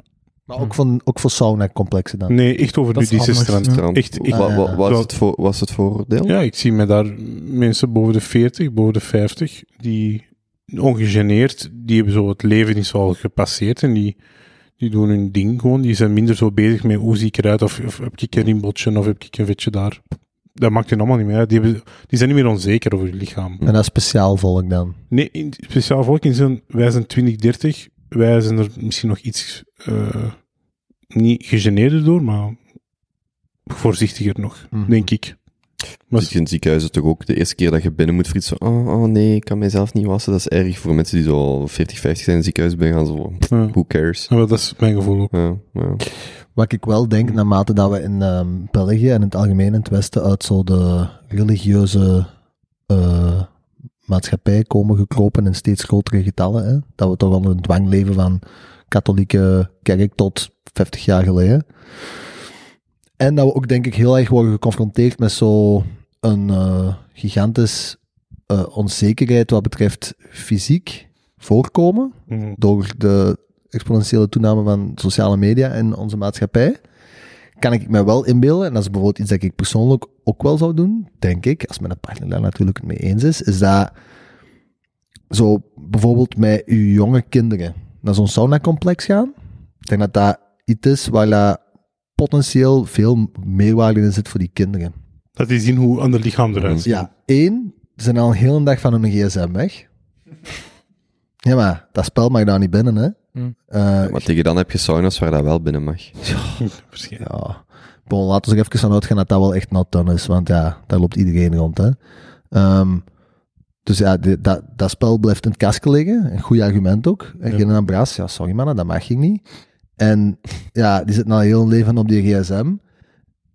Al, waarschijnlijk al een vrij vervormd lichaamsbeeld van wat dat ze moeten, hoe dat ze er moeten gaan uitzien als ze volwassen zijn. En dan wandelen die daar eens rond. En dan zie je de gemiddelde 40 of 50-jarige Belg. En dan wandelen die daar buiten en dan denken die, hmm, oké. Dat is toch zo dat mooie verhaal van een mannelijke gynaecoloog. Die zijn vriendin is zo vrij jaloers, want die zegt zo van, ja, je ziet elke dag vrouwen... en Nee, die is niet jaloers, die is onzeker over haar eigen vagina. En, eh, of over haar eigen vrouwelijkheid dan, tenminste in het seksuele. En die zegt, hè, want jij zit gynaecoloog en je ziet elke dag prachtige vrouwen. Die vertelt dat zo ergens uit een boek. En die vertelt dat verhaal zo. Die zegt, ja, op een bepaald moment zijn we aan het shoppen, we staan in de H&M. Ik zeg zo tegen mijn vriendin, kijk hier nu eens rond, naar de gemiddelde vrouw. Die- En beschrijf wat je ziet, hè. Ah, 40 jaar, 60 jaar, 1 18 jaar, zo. Zegt, dit zijn mijn patiënten. Niet zo wat jij in je hoofd hebt van al die Ja. supermodellen in- tussen wiens been ik de hele dag zit. Maar echt gewoon, daar ziet je de 75-jarige die inderdaad er een beetje vol uitziet. Ja. En dat is zo mijn gemiddelde patiënt, of zo. Hm, ja. Dat gezegd zijn, eh, ik vind een mannelijke gynaecoloog raar. Mannelijk gynaecoloog. Ik weet niet waarom. Ik vind raar. dat raar dat, ik vind dat wel, ja. Ik vind dat raar dat Maar je waarom gaat, is dat raar? geneeskunde, je gaat geneeskunde studeren als man. En dan van alle verschillende specialiteiten dat je kunt gaan doen, en dat zijn er begot veel, hè, kies jij om gynaecoloog te worden als man. Die vinden het al moeilijker om een cliënteel te vinden, sowieso, hè. Wat, waar, allee, dat, Hmm. ik vind dat, Als je het zo vertelt, klinkt dat niet... ja, dat is toch gewoon, dat is gewoon toch een knelpunt beroep, gynaecoloog? is dat zo? Denk je wel. Ik weet dat niet. Ik, ik, ik heb van heel veel van... Maar dus jij zou mensen- je aan je prostaat niet laten behandelen door een vrouwelijke arts. Mm, Of dat is dan raar. Nee. Dat is dan het omgekeerde bijvoorbeeld. Nee, daar, daar spreekt me niet over uit. Maar ik heb al wel gehoord van heel veel vrouwen dat ik ken, dat die dat zeggen, ik wil niet naar een mannelijke gynaecoloog. Mhm. Heel veel. 80% Mhm. of zo. Waar ik daar ooit over heb gehad, dat die zeggen, nee, nee, nee, nee, nee, ik naar een vrouwelijke gynaecoloog. Zou dat voor ons raar zijn om naar een vrouwelijke uroloog te gaan? Het is niet raar, het is, je hebt de keuze. Voor wie Ja. kiest je? Kiest je dan voor de man of de vrouw? Maar je maakt dat precies zoveel niet uit. Je Nou, gaat het er geval- vanuit dat, dat gewoon de medische wereld, dat dat niet, wie dat ervoor staat, heeft toch niks met geslacht te maken. Waarom zou een Nee, vrouw ik niet, naar een man, niet, niet minder snel naar een man willen gaan? Als hij als die goede kwaliteiten heeft en is een bekende eh, gynaecoloog. Ja, ja, ik zie. Ja. Afgaand op Benny zijn uitspraak, dat 80% van de vrouwen daar niet heen wilt gaan en dat die uroloog, Ja. mannelijke gynaecoloog toch overleeft, moet die goed zijn. Ja, dat is een andere manier om er naar te kijken. Hè. Dat is, als vrouw, als rationele vrouw, kunnen we die logica ook aanhouden, maar dat is het, het comfort, ah, ja, ja, mogelijk. Ik vind dat gewoon een beetje raar. Ja, maar ik snap het. Maar dat is een, misschien, dat is een waarschijnlijk compleet onterecht vooroordeel. Hè. Hm.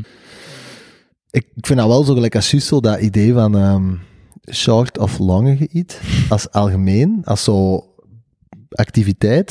Ik vind dat wel interessant om zo soms naar dingen te zien. Gelijk, De vertaling voor Basha, dat zit je optimistisch of Ja, dat pessimistisch? ik Ja. net vragen. Ik zeg, wat Ja, ja, ja, Dus, dus- durfde ik niet, maar nu heb ik nooit zo. ja. Long is Altijd optimistisch, short altijd. is pessimistisch. Short, oké, kortzichtig. Nee. Zou jij je geld erin steken voor de lange termijn, of zou je er je geld in Ja. zetten omdat je verwacht dat het op de korte termijn sterk gaat dalen? Oké, nu heb ik mee aan bedenkt. Ongeveer. Zo is er bijvoorbeeld bij ons volgens mij echt nog een gigantische opportuniteit, hè? Racecircuits. Wat? Sowieso, ja. Race Long racecircuits. autorace circuits. Sowieso. Ja, omdat het nu uitleggen. binnen vier jaar is, of niet, maar ik denk dat we het er wel over eens Ja, ja. kunnen zijn. Binnen tien jaar rijden we niet meer zelf met de auto, hè. Ah. Daar zijn we het er toch wel over eens. Er gaat een nieuwe ontspanningscategorie ontstaan, hè. Mhm. Rijden. Rijden op het circuit. Kartbanen. Kijk, ja, alle, maar dat je gewoon bij, met, dat, met dat familie-erfstuk, die oude Porsche of die oude weet ik veel wat, dat je naar Spa kunt of naar die ander x aantal De circuits. vraag is of dat nog gaat mogen. Ik denk dat niet. Voor geluidshinder. Dat zou toch jammer zijn. Ja, en maar dat is- Dat is, gaan ja, ook maar dat is toch wat ik zei tegen Benny van motocross. In België kun je, bij- we hebben de beste motocrosser van de laatste 30 jaar. Ik probeer vandaag nog eens een kind te hebben dat motocrost in België. Dat is geluidsoverlast. Niemand wil dat nog in zijn achtertuin. Hetzelfde met solder en zo. Dat daar zo i-formule en zo gaat. Ik denk dat dat meer beter gaat doen voor gewoon nieuwe industrieën. Gelijk zo elektro elektrische Formule 1 en zo. Maar echt dat je daar kunt gaan vegen met je Alzheimer.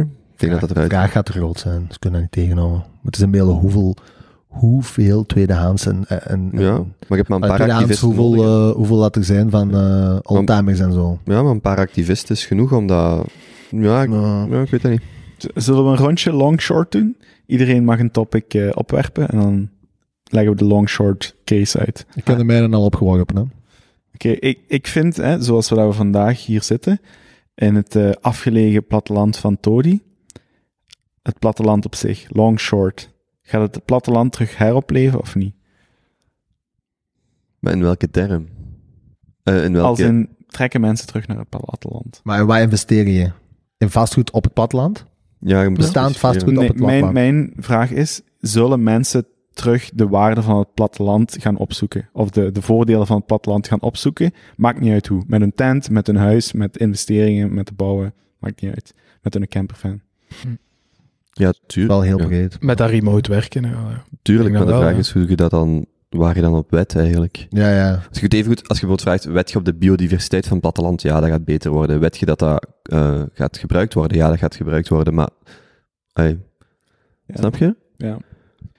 Dus dan is eerder Gaan de huizenprijzen op het platteland omhoog gaan? Voilà, dat kunnen, Ja, dat is al dat kunnen of long. Ja. Ja. Nee, ik denk dat dat grosso modo omlaag gaat. Ze worden waardevoller individueel, maar de totale waarde gaat omlaag. Waarom? Huh? Dus ik ben er precies niet mee akkoord. Maar, Omdat je gewoon, je hebt geen, gelijk een huis gelijk dit. Pak Ja. gewoon, je hebt gewoon ergens een villa. Die gaan, die, die, die luxe dingen, die gaan duurder en duurder worden, omdat daar een bepaalde koopkracht achter zit. Ja.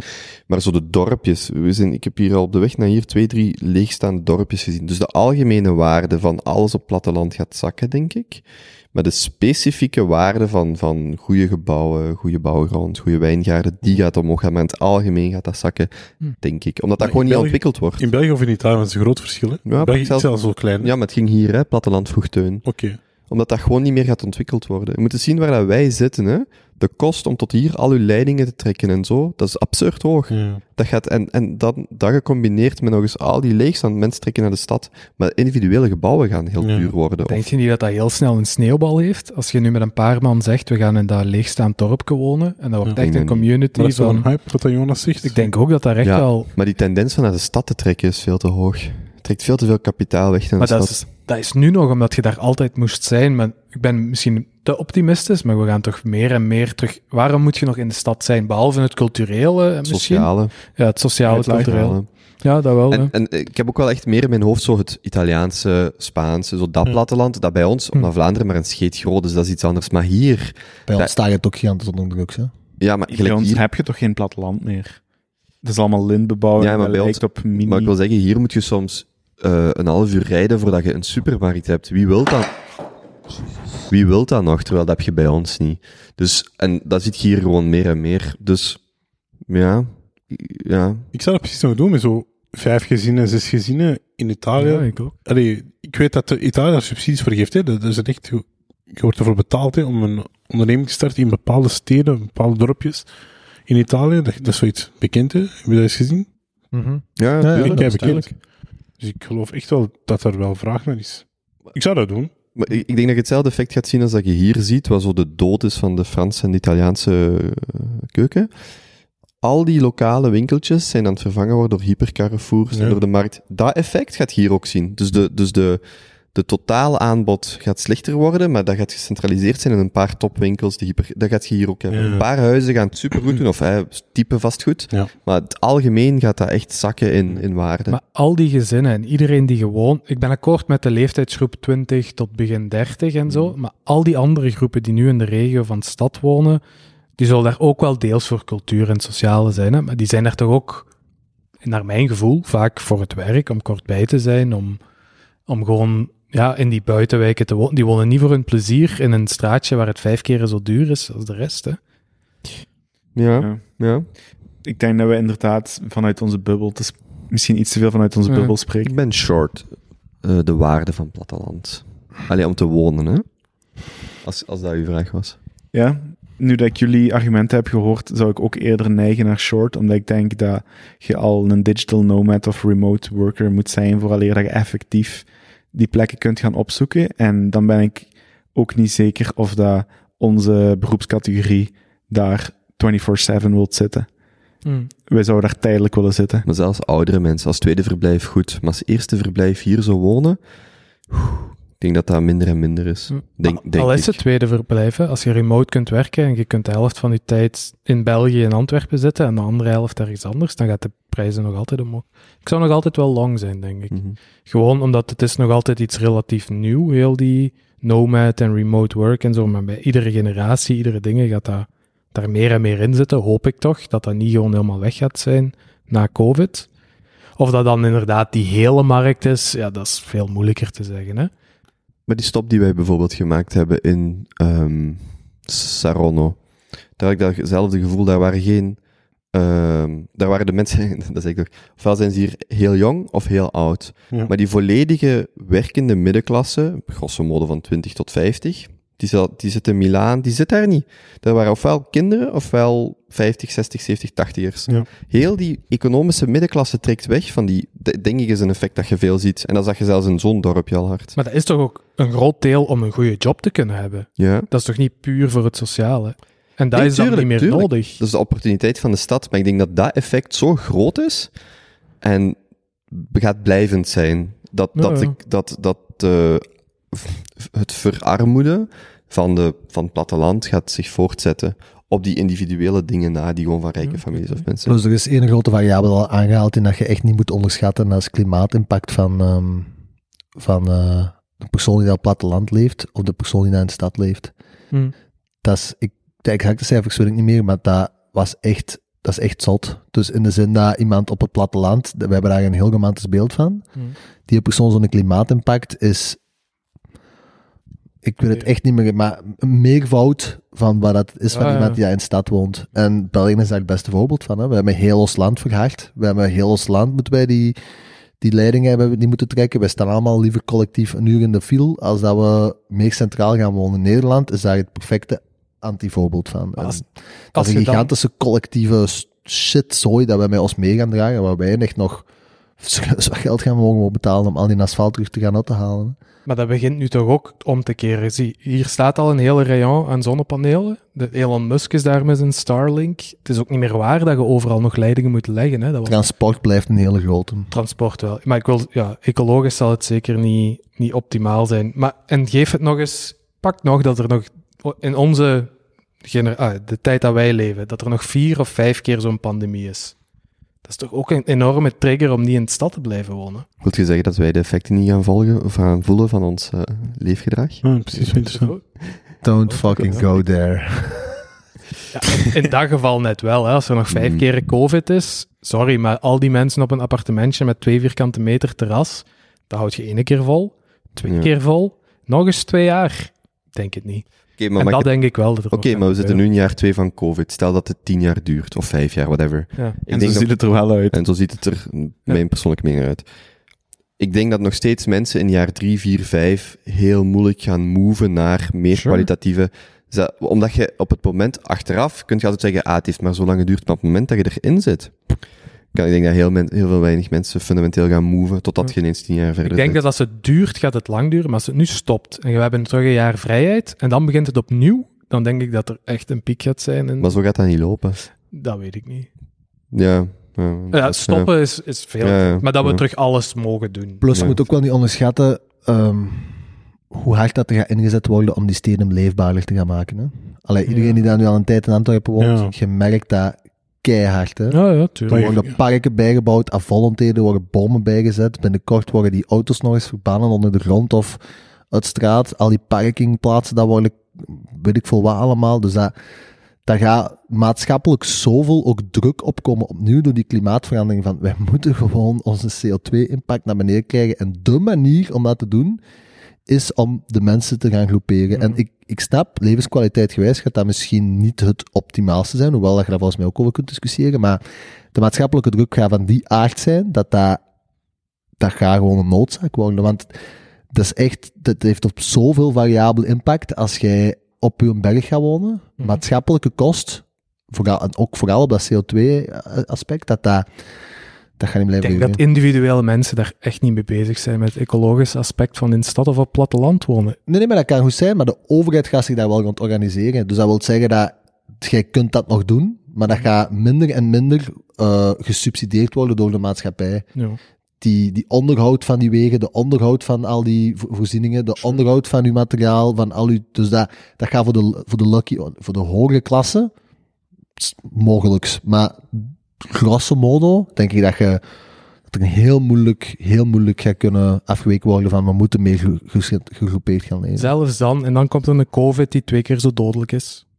En drie keer en vier keer. Maakt dan blijf je toch niet in de stad. Het gaat over wat is, de grootste, wat is het grootste risico. En tenzij dat echt een COVID is en dat een factor 10 dodelijker is, is, kijk nu maar wat er aan het gebeuren is, we zitten nog maar in het begin, hè. dan Ja. gaat de klimaatimpact nog veel frappanter zijn Ja, op ik het denk die klimaat, dat dat... Factor, factor 10, dan, dan stort de samenleving in, hè?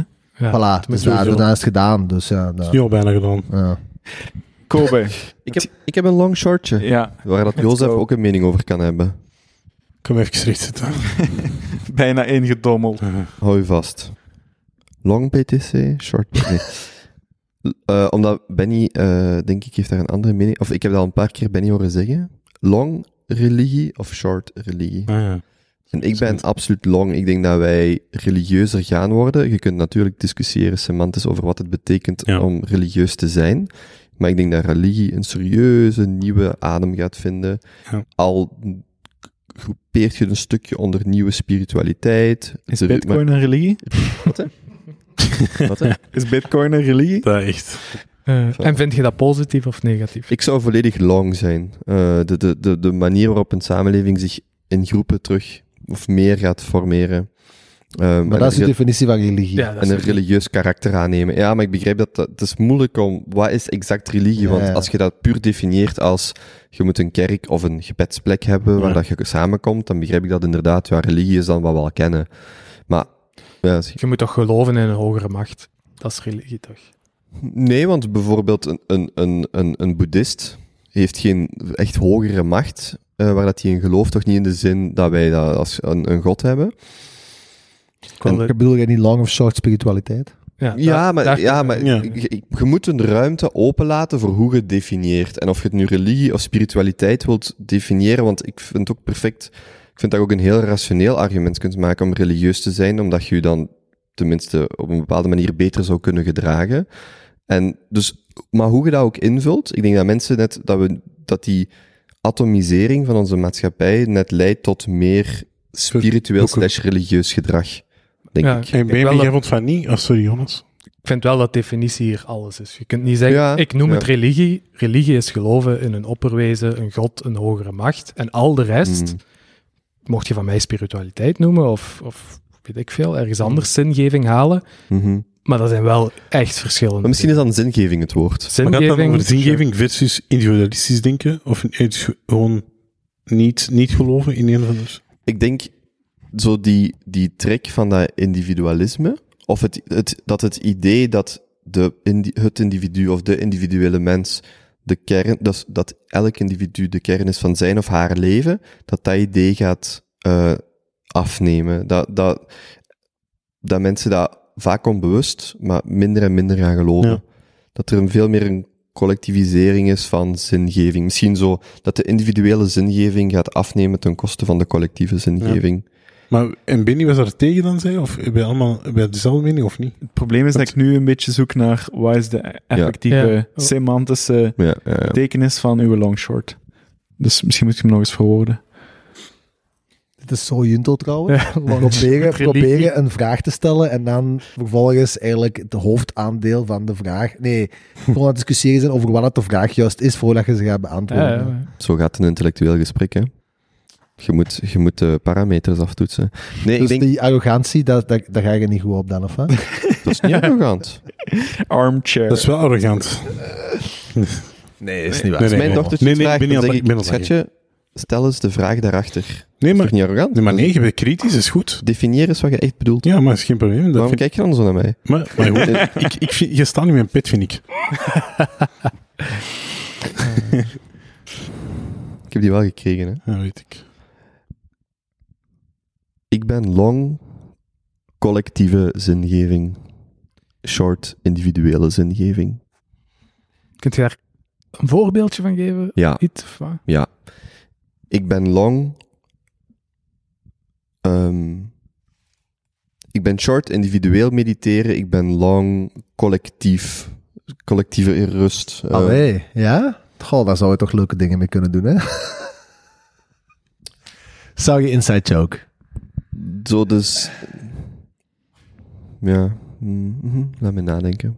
Ik kan me zo niet inbeelden wat je daarmee bedoelt. Ofwel, wat, wat ik nu denk, met wat jij zegt, is ofwel bedoelt je dat iedereen in sectes gaat, ofwel zijt je fan van communisme, dat iedereen samen achter, achter iets staat. Niet dat een van die twee slecht hoeft te zijn, maar...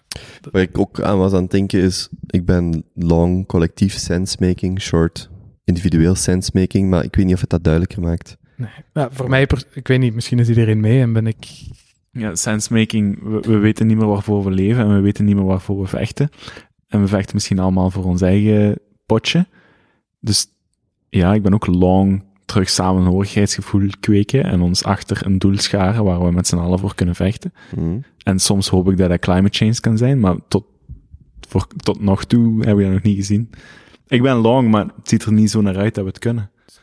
Long een vervanger voor religie? Mhm. Ik denk, ja. Hm.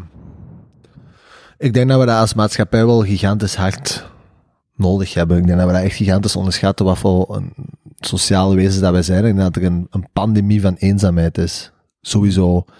En kijk gewoon in het Vlaamse landschap. Hè. Vroeger, zondagmiddag kwam iedereen samen. En oké, de reden om samen te komen was om in dat- het, het grootste en chicste gebouw van het dorp te gaan zitten. En een uurtje naar eh meneer Pastoor te luisteren. Maar voornamelijk om daarna met z'n allen de mannen pinten te gaan drinken en de vrouwen kletsjes te gaan doen. Wat er allemaal gebeurd was in het dorp. Allee, zo ging het eraan toe, dat was zo. En de kindjes, dat, allee, dat speelt, ons, ons vader vertelt dat, mijn pa vertelt dat nog over, dat, dat was gewoon zo als ik klein was. Hè.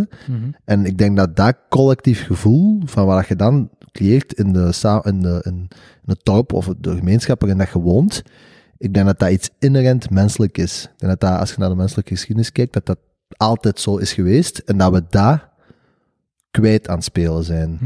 En ik denk bijvoorbeeld dat, voor- dat ook, een van- waarom doen wij dit ook voor een deel? Dat is dat ook een beetje, hè? Ja, voor de subsidies. Dus, Hey Jozef. ik zit hier voor het schild. We moeten zelfs zeker een foto maken en een filmpje en één story, dat staat in onze subsidieaanvraag. Ja. En doe zo ver verzadiging hoog, dan kom ik er nog bruiner uit.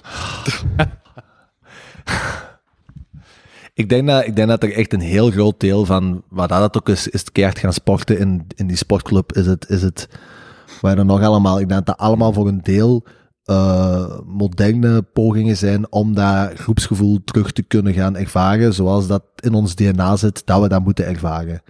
Ehm, dus ik ben ook zeker long en ik denk dat we volop in een onderzoekend traject zitten van hoe dat we daar best gaan uit, hoe dat we dat best kunnen gaan, gaan invullen, die nood. Maar long wil zeggen dat je denkt dat dat gaat lukken. Sowieso, ongetwijfeld. Ik denk dat we in een, een zeer uitzonderlijke situatie zitten in de, in de, geschied- in de menselijke geschiedenis, dat we daar... We zitten in een transitieperiode, hè. Trouwens, niet alleen op dat vlak, ook op relationeel vlak, hè. Dat is daar allemaal mee verbonden, hè. Heb je een idee hoe we die transitieperiode heel huids of succesvol zullen doorkomen? Geen idee. Ik denk dat dat, dat gaat... Ik denk dat er heel veel gaat geëxperimenteerd worden, hè. Alleen dat zie je nu al.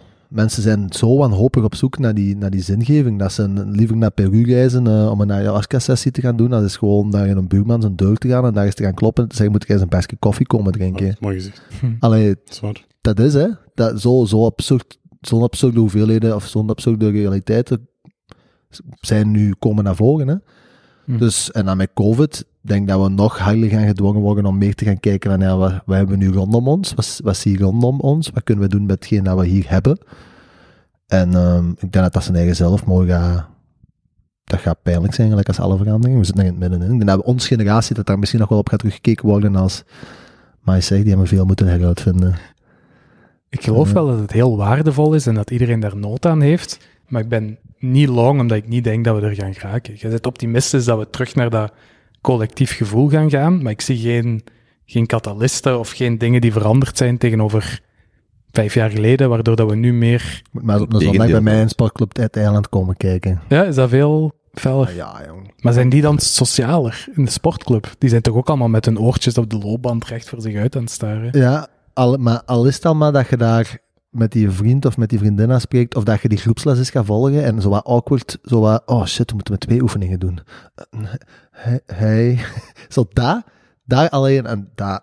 Maar Dus dat, is, dat is maar nu- één expressie, hè? dat is maar eentje. Hè? Maar, of dat kan ook digitaal zijn. Hè?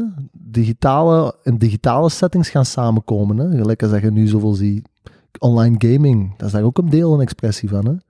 Ja. Maar wij hebben daar gewoon, wij hebben daar, als we dat niet hebben, dan worden wij gewoon extreem ongelukkig. Ja, dat is, dat is, een, dat is een exact. probleem waar we nu in zitten. Ja, ja, ja, maar volledig akkoord, hè, maar ik weet niet of dat we er... Ik vind dat jij het heel mooi verwoord had en heel positief bekijkt, maar ik Zou je denk- niet beter een gezin hebben dan naar de sportclub gaan? Maar een gezin gaat daar ook zeker mee helpen, sowieso. Sowieso, maar dat, Dat is, ook, dat is ook een gigantisch aan het Dat is zo in alle literatuur blijf ik dat gewoon altijd tegenkomen. We zijn niet gemaakt om nog zo lang zo eenzaam te zijn. Zeker niet, Gezin, Ja. kinderen, familie, netwerk, sociaal netwerk, dat geeft ons zingeving. 100%. Ja. Maar dat- Forced monogamy, een, gezin is daar ook, een gezin is daar ook een expressie van. tuurlijk. Ik ga ook mij even eh, expresseren, maar op het toilet. School. Misschien, eh tenzij dat iemand nog een long short heeft, dat we... Dat was, hebben we een vraag Ah, ik zou nog een vraag trekken. Ja, nudisme. Ja, daar Dat zit ver, jong. Oh, Ah, Oké, ik zal nog eentje. Hoe lang zijn we eigenlijk bezig? Dat weet ik niet. Het voelt een uur. Nee, nee, het zal langer zijn. 1 uur, 1 uur. 42 minuten. Ah, Eén uur, twee, vier. Oh, amai. Kom maar eens voor het record in, man. Ja, exact. Kom. Oh, joh. Zes uurtjes, dat is Maar we niks. hebben om vraag. 8 uur een reservatie om te gaan eten. In De volgende. hè. Het is 5 uur, ik wil niet nog wel eens het zwembad. Ik lees hier DMT, maar wat, wat is dat? Iemand heeft dat Kan- gestuurd. geen idee. Geen idee. Nee, nee. Ik weet niet wat dat Hm. is. DMT. Ik heb nog nooit van Rare gehoord. afkorting. Drie Ik letters. heb nog nooit van Iets gehoord. met een toon dan. Ik, ik weet het niet, hè. het is iets bizar. Geen idee. Oké. DMT zoekt eens op. Rolverdeling op vakantie is de volgende vraag. Oh, Niks over te zeggen. Pasha, hoe ziet jij je rol hier in het huis tussen al die mannen? Ik zorg voor intellectuele balans. ah nee, ik moet bescheiden zijn. Ik vind jullie wel super slim trouwens. Ehm, nee, wat ik hier doe, ik weet niet. Ik heb, eh, ik heb het gevoel dat we heel goed gebalanceerd zijn. De ene Hm. kookt, de andere ruimt op. Hm. Ik weet niet wat ik hier aan het doen ben. Is er zoiets ja, dat je vanuit jezelf doet als je zo op groepsvakanties bent? Eh, ik, ik, ehm, ik, ik ruim wel graag op, want ik ga niet zo van rommel. Ik ben, ja, ik weet niet, je zal zeggen, het is niet heel vuil of zo, maar het is ook niet extreem proper. Het is altijd wel een beetje vuil, dus dat doe ik wel snel uit mezelf. Hmm. En voor de rest, eh, ah ja, maar, ah, ik weet wat ik doe. Ik doe heel veel muziek. Zwaar. Dat is waar. Ik zet mijn muziek Plaatjes altijd kiezen. Klopt. als DJ music selector. Vind ik dat wel leuk om zo de juiste muziek voor de juiste sfeer te pakken. Dat is wel waar. Ik ben een archiveerder, dus ik ben, eh, ik ben veel aan het filmen. En in de zomer van 2023 komt er een eh, officiële aftermovie van... eh, ja, ik sta twee jaar achter, dus ik Ja. doe dat al vier jaar, maar ik loop twee jaar achter. Eh, Alright. Ik ben nu bezig aan de citytrip naar Kopenhagen in oktober 2019, dus... Maar is dat niet first in, last, nou is de laatste Nee, nee, nee, nee, nee, in, nee, nee, nee, nee, nee, nee, nee, nee, Nee? nee, nee, nee, het is eh, chronologisch. Oké. Oké, we moeten wachten. Toen ik eh, zag dat het vijf uur is, moet jij om zes uur eh, voor Odes beginnen werken? Ehm, nee, om zeven uur. Om zeven uur. Aperitivo. Prima, prima. En een aperitivo. In Rome? Ja, ik in ieder geval. Kunnen. Todi. In Tori. Oh, zo. Ah. Maar moet ah ik ja, ja, ja, ja. Oké. Ik ga mee. Ja, maar we gaan allemaal mee. We moeten om echt uur gaan eten, hè. Eh, Ah, ja. Heb ik iets gemist? eh, nee. Nee. Rolverdeling op vakantie. Misschien moeten we die vraag afronden. Ja. Volg ik nog eentje? Of gaan we naar ja de- twee? nee, dingen te vragen. Doe even de papiertjes. Ja. Eh, er was nog één over wijn, maar eh, ehm, ik denk ook Davy Kisses. Ja. Vond die van gisterenmiddag echt goed. Weet je nog wat dat was? Fuck, dat was... Dat was een eh, Barbera d'Alba. Ah, die. wow, ik zat een Ja. laat. Ja, we hebben in de tourist trap hebben we niet zo lekkere wijn gedronken. Oh, dat is erg, ja. Oh, jongens, vraag 2. Yes. Kobe, Back on track. Ik heb een vraag. Kobe, nog niet kijken hoe we Hoe lang zijn we ondertussen al bezig met... Anderhalf uur. Oké. Damn. Ik heb een goede interne klok. Een uur en 50 minuten. Maar... Ja. Dat is... Ziet je, zo'n recordpoging is niet zo zot, hoor. Oh, jong, we zitten nog niet eens... We zitten in, we zitten in een vierde, hè? Maar ja, ja, zes uur, dan hebben we het record langs de podcast. Heb je recent een noemenswaardig essay, boek of podcast gelezen of gehoord dat je opmerkelijk of geschikt vindt om aan de junto te communiceren? Ja, ik heb wel een fijn eh, artikel gelezen. Past dat eronder? Ik heb de vraag niet voor mij. Toch, hè? Wat, hè? Boek, podcast. Of... Ja, ja, iets in de moraliteit, business, natuurkunde of andere delen van de algemene Ja, kennis. dit is een ander deel van de algemene kennis. De titel is, ik zag dat op eh, VRT Nieuws op eh, 25 juni al voorbij komen. Ehm dat is al een tijdje geleden. De, de titel is, Vlaamse vagina is gezonder dan gedacht. Gezonde voeding speelt grote rol. Ja, hè. De Vlaamse, ik wou dat gewoon een stukje uit voorlezen. De Vlaamse vagina is gezonder dan gedacht. Dat blijkt uit grootschalig burgeronderzoek van de Universiteit van Antwerpen bij meer dan 3300 vrouwen. Dit is wereldwijd het grootste onderzoek. 80% van de deelnemende vrouwen had goede bacteriën. En nog belangrijk, ook voor jullie. Wat is een gezonde vagina? Een gezonde vagina, dat is een complexe zaak, maar we weten nu dat veel samenhangt met een gezonde bacteriehuishouding van de vagina. En dan gaat het over bacteriën. Die maken melkzuur aan wat de zuurtegraad van de vagina laag houdt. Op die manier worden ongewenste indringers buiten gehouden en bestreden. Denk aan virussen, schimmels of andere bacteriën. Melkzuur. ja, dus het is... ehm, Gelijk als dat je verzuurt met sporten. 80% van de Vlaamse vrouwen hebben goede lacto, lactobacillus-bacteriën. En die bacteriën maken eh, melkzuur. Dus eh, als, als een vriendin vraagt, hè, wat wilt jij voor je verjaardag, dan zeg je goede lactobacillus-bacteriën. Ja. Gezonde voeding, dat vond ik dan wel meerwaarde om te weten. Gezonde voeding heeft daar een heel grote impact op. Hm. Eh, eh, een zware antibiotica-kuur kan alle goede bacteriën in je vagina doden. Dus hè, belang van gezond, gezonde voeding. En ehm, ze gaan verder met, met eh, tips om goed, goede vaginaflora te kweken. Wat zijn die tips? Eh, ja, ze gaan nu onderzoeken wie dat dus ehm, de goede vagina's hebben. Die gaan ze onderzoeken en die gaan ze ehm, ja, identificeren wat die gemeenschappelijk hebben. Maar ik vond dat wel leuk dat, dat 80% van de Vlaamse vrouwen heeft eh, een gezonde vagina-huishouding. Dat is belangrijk. Dat is leuk om te weten. En wat met die 20? Eh, ja, Staat er niks op wat die moeten doen of zo? Activia eten. ik weet dat niet. Ik. Nee, nee die moeten gewoon eh, beter eten. En eh, Ja, één op de de, de nadruk was wel op de eh, gezonde voeding.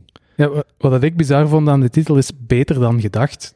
Dachten we dan dat het slechte, Gezonder dan gedacht. of gezonder dan gedacht, ja. Ja, ik denk... Wie dacht? Ze zetten er geen cijfers in van internationale vergelijking, maar ehm, blijkt wel zo.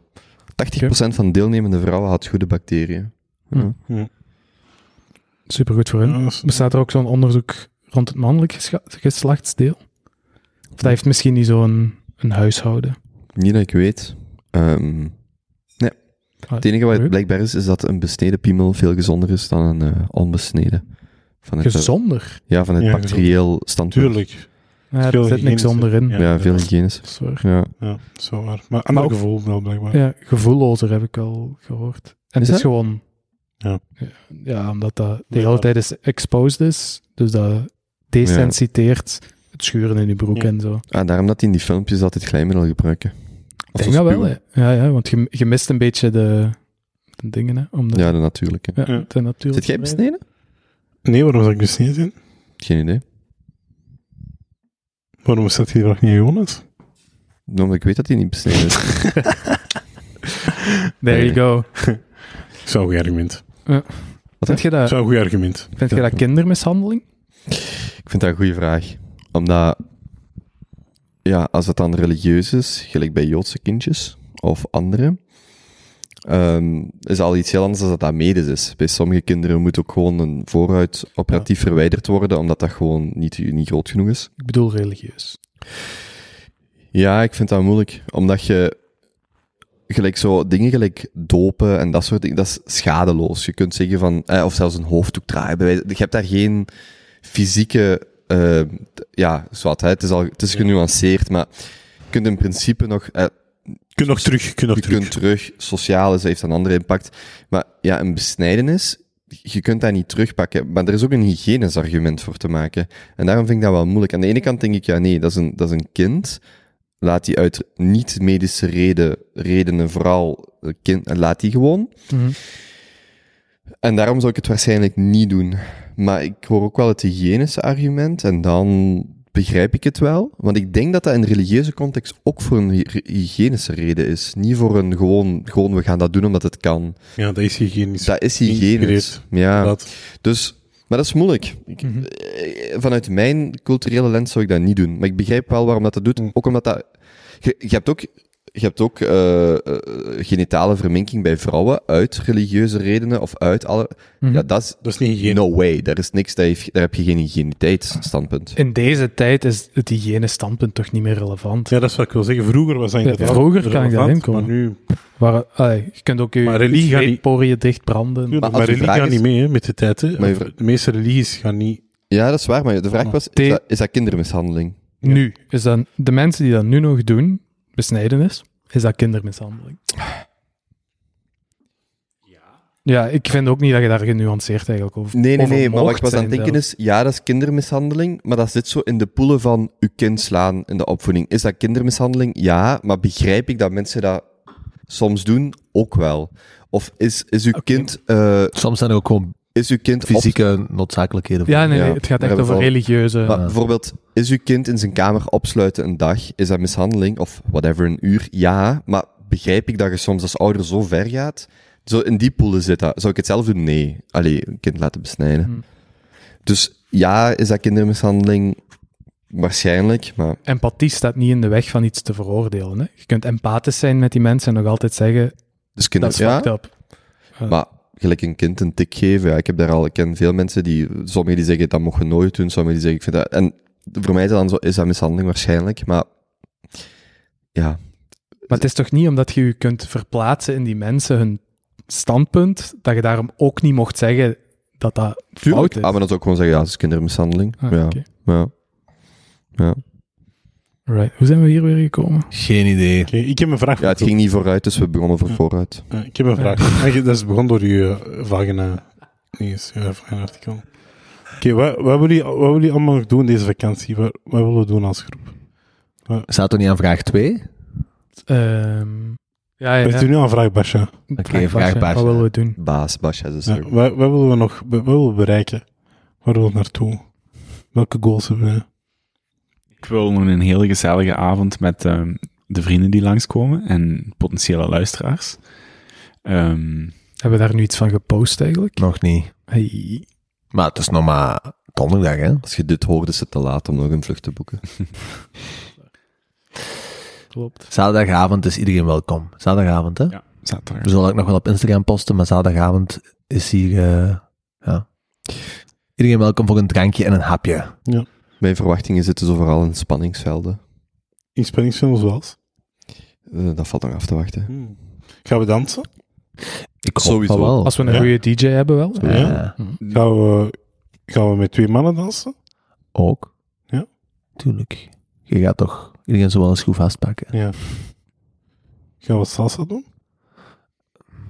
Kan ik niet, maar... Waarom niet? Wat zijn uw verwachtingen nog van deze reis? Ik leef van dag tot dag. Zeker met u. u in mijn buurt zijn van minuut tot minuut. Het, het intoxicatieniveau Ja. is nog niet echt, eh, heeft nog niet echt pieken gezien, vind ik. We houden het vrij Nee, maar dat is ook wel echt vrij bewust bij mij. Hmm, Maar dat mag nog zeker niet aan veranderen tegen het einde van het ja, inderdaad. Zo.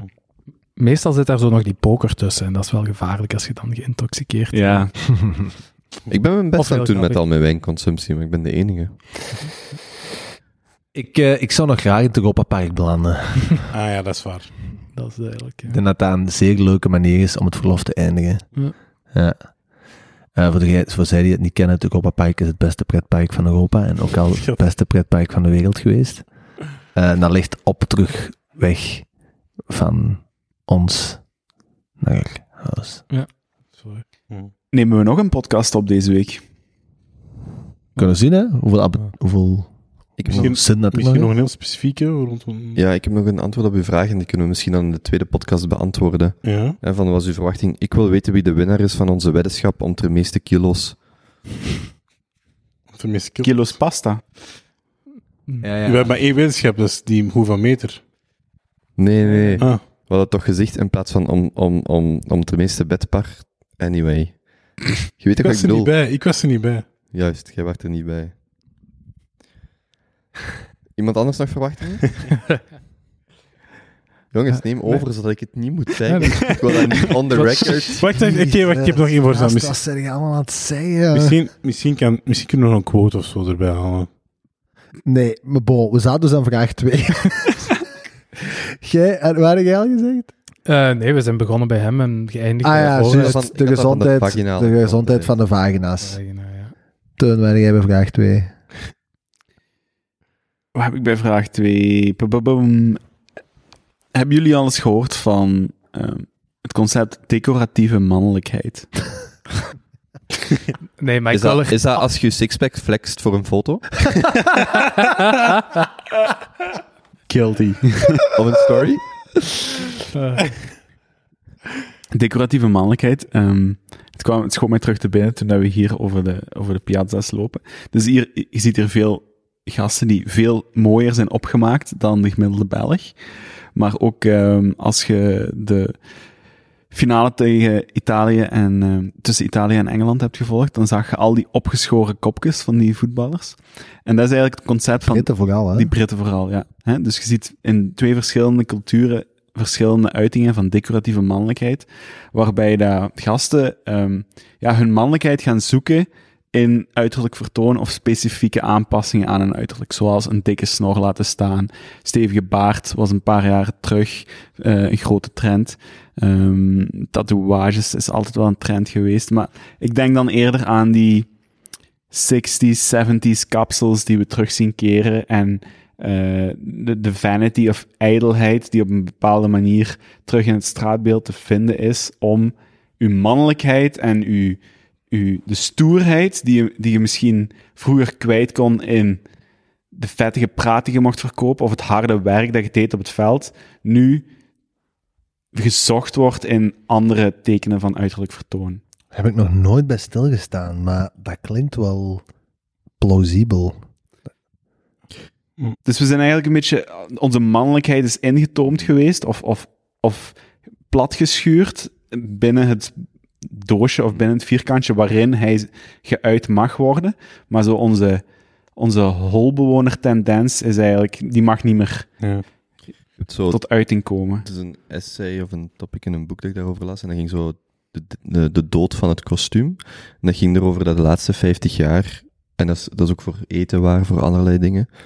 Ehm, zeker als man, zelfexpressie. Er is een veel meer een, een uniform eh, beweging. Dus we eten hetzelfde eten, we rijden dezelfde auto's, we dragen dezelfde. Zeker zo, hè, wanneer je onze ouders bank bedienen. Allemaal hetzelfde. Geen, geen, je je zit deel van een organisatie, je draagt een kostuum, een uniform. Dat, dat daar dus heel veel, dat daar veel minder marge is. Maar dat eigenlijk mannen ehm, traditioneel ook heel veel pronkten met kleuren. En je ziet dat typisch nog, als je het meest mannelijke denkt, is het leger, of een van de meest mannelijke dingen. Kijk naar een generaal gedecoreerd, die heeft extreem veel kleur aan. Als je vandaag een man met een sjaal ziet, dan denk je, dat is een Italiaan. Maar eigenlijk, in, in, in, onze, in onze maatschappij hebben wij, zijn mannen, zeker zo ty- typische Sovjetbeeld ziet je ook nog, maar in het leger moeten we maar eens opletten hoe mooi gedecoreerd, de rode baretten, de groene, wat is het allemaal. Maar de gewone dagelijkse man heeft dat niet meer. Dat is zo'n hele theorie daarover, dat wij als man wel nog, dus wat doen wij dan? We dragen dan zo'n pocket square, zo wat dan zo individueel is. Maar dat wij, dat een er, stoeferke. ja, een soef- maar dat er veel minder marge is voor de gewone man om zijn nadrukken te leggen zonder dat dat gestigmatiseerd wordt. En dat we daar veel meer ehm, eenheidsworst zijn. Met en zo, dat dat zo echt een tendens is van de laatste 60 jaar of zo. Uniform, post Tweede Wereldoorlog, niemand stikt uit. Uniform, allemaal hetzelfde. Maar dat je daar wel nood aan hebt. En dan zie je nu mannen met zo fancy sokken, maar dat is dan zo het enige wat ze zo durven zich permitteren. Ja. En dat, maar dat dat wel ergens naar buiten moet komen. Kapsels. Maar bij u gaat het voornamelijk over het verschil aan diversiteit, terwijl het bij u voornamelijk, allee, in klederdracht, terwijl het bij u voornamelijk gaat over het eh, uitdrukken van uw mannelijkheid via ja, externe variabelen in de plaats van uw werk bijvoorbeeld. Gelijk als dat vroeger eigenlijk mega mee gebeurde, want jij moest op het veld gaan werken en dat was zware arbeid, of jij moest in de fabriek gaan werken en dat was zware arbeid, of jij moest gaan jagen. En dat is nu niet meer. Dat is nu niet meer en we kunnen daar onze en identiteit dan niet meer in kwijt Ja. als man. Hè? Ik wou zeggen, bij mij gaat het over stigma. En dan, als je dat zegt, dan denk ik exact hetzelfde. Ja, het is heel gerelateerd. Hè? Tuurlijk, helemaal. Ja, ja. dan Allee, hebben we de- sterk gerelateerd. Ja. De laatste vijf jaar zo de, de, de patriarch die naar onderen werd gehaald en de white male die, die eh, in, in, het, eh, in de roos kwam te staan of, of als kwaadaardig werd beschouwd. En ik denk dat we mannen van vandaag nog minder echt man durven zijn. Maar ja, wat wat betekent dat dan ook om echt man te zijn? Mag je dat nog? Onze safe space is een podcast. Ah, die was goed. Nice. Als je tot hier toe nog luistert, is het uw schuld, niet die van ons. Lekker. Maar ik, ik snap de theorie niet zo goed. Dus we kunnen onze, onze stoerheid en onze mannelijkheid en onze oermens niet kwijt. Dus we leggen onze haartjes goed en we doen een kleurrijk blouseje aan. Het is een theorie, vandaar ook. Hè? Ja, Dus- ik dus- ken er niks. Ik nee, ken er oprecht het is, niks van. iets, ehm, ik heb het gehoord op eh, een heel toffe podcast, Red the, Millen- Red the Millennial. En zij waren erover bezig. Kijk, is dat nu een ding, decoratieve mannelijkheid? Is dat als invulling van eh, de testosteronactiviteiten die we niet meer mogen uitvoeren? Is dat een invulling voor de, de stoere mannenpraat die we niet meer op in, in onze omgeving kwijt kunnen, omdat we dan neergesabeld worden? Maar hebben jullie dat gevoel? Allee, ik, ik kan alleen... Wacht, ik zal eerst zelf de vraag beantwoorden. Ik weet bijvoorbeeld... De mannen waar ik de nauwste band mee heb, over lange termijn, dan spreek ik over jaren, dat zijn vriendschappen waar ik dingen mee heb opgebouwd. En als dat via harde fysieke labeur is, en je bent samen door heel zware periodes moeten gaan, en dat kan professioneel zijn, dat kan een creatieve uiting zijn, liefst een combinatie van de twee, of via op sportief vlak. Maar dat zijn de nauwste banden dat ik heb. En ik kan me wel inbeelden, dus ik, ik, dan moet ik dat denk ik wel ergens erkennen, dat ons maatschappij nodigt dat veel minder spontaan uit als dat het ooit is geweest. Hè? Allee, en Jocko Willink spreekt daar toch geweldig mooi over. Hè? De mooiste banden en mannelijke vriendschappen die dat ooit zijn gecreëerd is in tijden van oorlog. Hè? Je vertrouwt, je vertrouwt elkaars leven toe in die loopgraven. Hebben wij nooit ervaren. Ons ouders ook niet. En dat zijn misschien de eerste twee generaties en zoveel generaties die dat nooit hebben ervaren. Ook. En dat, dat voel ik soms wel. Want ik weet bijvoorbeeld, nou, ik, bij mij is dat dan geweest met een, een stoeme poppenbar. Maar dat waren wel weken dat ik 100 uur aan het werken was. En dat we die keet, dat was letterlijk een dat was een, dat was een brakeligend stuk terrein. En een maand later stond daar heel dorp Ja. te feesten. En we hadden dat helemaal zelf gedecoreerd en helemaal met ons eigen handen in elkaar gestoken. En die, die band dat gecreëerd met een andere man, ik weet dan niet of dat dan noodzakelijk een man moet zijn, maar in dit geval was dat zo. Ja. Eh, dat, dat, ja, dat heeft een, last, een lasting impact gelaten bij ons. Maar samen afzien connecteert sowieso, hè, maar je hebt het ook emotioneel. Hè. Als je samen bij de AA zit of zo bijvoorbeeld, of samen eh, een groeps, groepstherapie of groepsessies volgt of zo, connecteert ook. Hè. Podcast maakt. Podcast maakt ook. Dus Misschien moeten wij samen gaan afzien. samen afzien of samen, samen aan een doel werken of zo, dat connecteert. Zo simpel is dat. Maar daar kan ik mij veel meer in vinden, in zoiets bouwen, iets doen door de tijd, dan de kleren en, de, en Dus het, ik denk dat- en zo. daarom ook juist eh, interessant is, of een, ze, ze merken het op en mensen zijn, zijn, zijn zich beginnen af te vragen, die decoratieve mannelijkheid, is dat een substituut, een alternatief voor ehm, de, het afzien en het, en het eh, banden creëren dat we niet meer, waar we geen toegang meer tot hebben. Teun, jij zei daarnet, we mogen niet meer, we mogen bepaalde dingen niet meer zeggen. Mhm. Wie heeft er gezegd dat dat niet meer mag? Ja, ik denk dat wij hier op de Junte Boys nog veel dingen zeggen die we, waar dat sommigen van denken, Ja. oeh, jullie durven nogal, maar ja. Maar het wie, wie zou ons van- ervoor veroordelen? Stel je voor dat wij Ja, als, nu... als wij op nationale televisie kwamen, dan zeiden, we, dan zeiden we niet de dingen die we nu zeggen. Nog niet de Ja. helft. Nog niet de helft. Minder. Ja. Maar wie zijn die mensen? Het is gewoon een een beetje een retorische Het zijn geen mensen, dat is een maatschappelijke. En van waaruit komt dat? Van waaruit wordt dat gestuurd? tegenreactie, waarschijnlijk. Ja. Er is, heel veel, er is terecht heel veel onrecht geweest. Hè. Mhm. En dat, Dat is- duwt in een andere richting. dat duwt in de andere richting. Hè. De vraag is, waar zitten wij nu in het doorduwen van de... Ja. Van, ja. Maar dat, is- dat doet me denken aan heel die woke. ja, Ja, dat is dat. dat is dat dat. puur, Dat is dat. Dat is dat.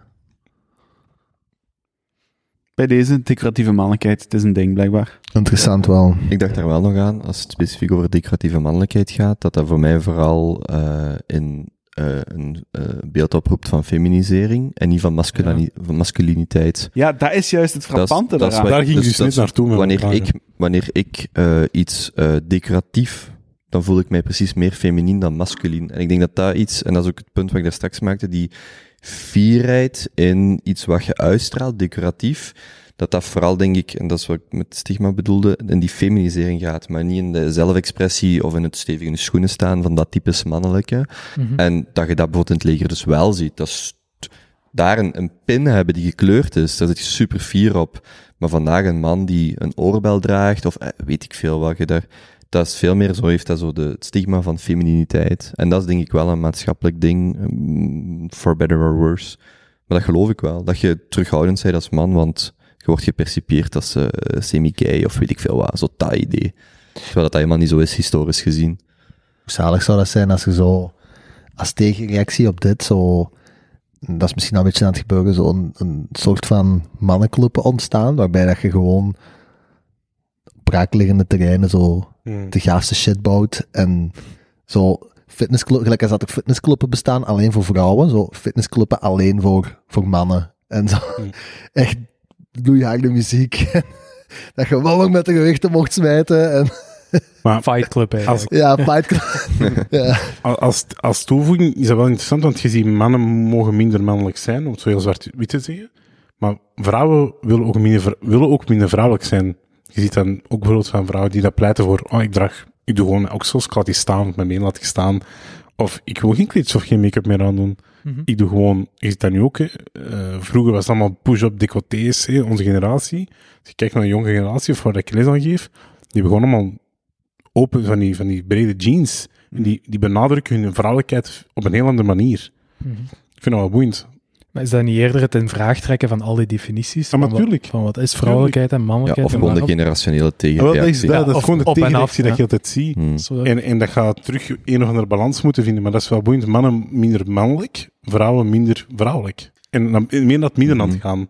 In, in de zin van een nieuwe, een nieuwe soort eh, een geslachtskenmerk aan het, aan het uitwerken. Of zo. Ik, ken, nou, ik vind het moeilijk om dat te definiëren. Ik denk wel, dat je het even in de auto over gaat komen, maar je ook die boek erover aan het lezen was, maar ik denk wel echt dat er, ehm, vooral voor onze ouders, als onze vaders eigenlijk, dat er daar ook wel, gelijk als dat je zei, een, een generatie is geweest die dat ook wel een stilte heeft afgezien, hè?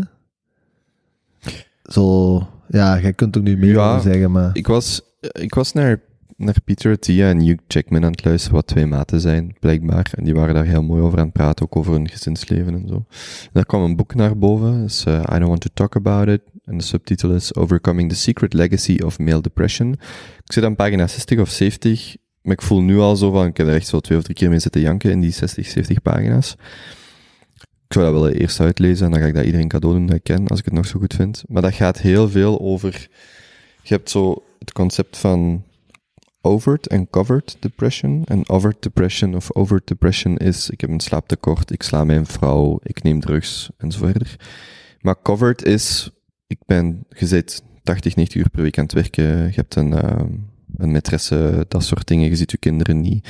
En dat er eigenlijk een hele periode is van allerlei dingen die miszitten in je leven, maar die je niet als dusdanig herkent, die al dan niet een vlucht zijn of niet. En als je die voorbeelden leest, dan is dat eigenlijk heel, komt dat heel dichtbij heel vaak bij mij ook, dat je voelt van, het subthema voor mij is dat je daar als man bijna geen aandacht voor hebt. Zo, er, is, er is heel weinig aandacht voor man om, om je gevoelens te uiten. En als je dan die voorbeelden leest, dan denk je van, oh wauw, zo ken ik er ook echt veel. Die daar gewoon niet van bewust zijn. Ehm, en ook zo, ja, iedereen weet wel, vrouwen internaliseren veel meer, mannen externaliseren. Mannen plegen veel meer zelfmoord, vrouwen doen veel meer automutilatie. Maar dan, als je dan voorbeelden ziet, Dus het is omgekeerd. Mannen internaliseren veel nee, nee, meer. nee, mannen externaliseren. Externaliseren, vrouwen Mannen exter- internaliseren. Mannen vechten, die gaan op de vuist, die, plegen, die springen van een brug. Vrouwen, Ah, ja. die doen dat veel meer intern, die internaliseren dat. Oké. En, maar als je dan die voorbeelden leest van wat, ik, wat daar allemaal onder valt, onder externaliseren, dan denk je echt van, wow, dat herken ik van mijn vader, mijn grootvader, mijzelf. En dat, als je dat dan linkt aan een lichte vorm van depressie, of een covered, dus een ja, subcutane, een, een onderhuidse versie van depressie, dan komt dat wel heel hard binnen, dat boek. Dat je dan...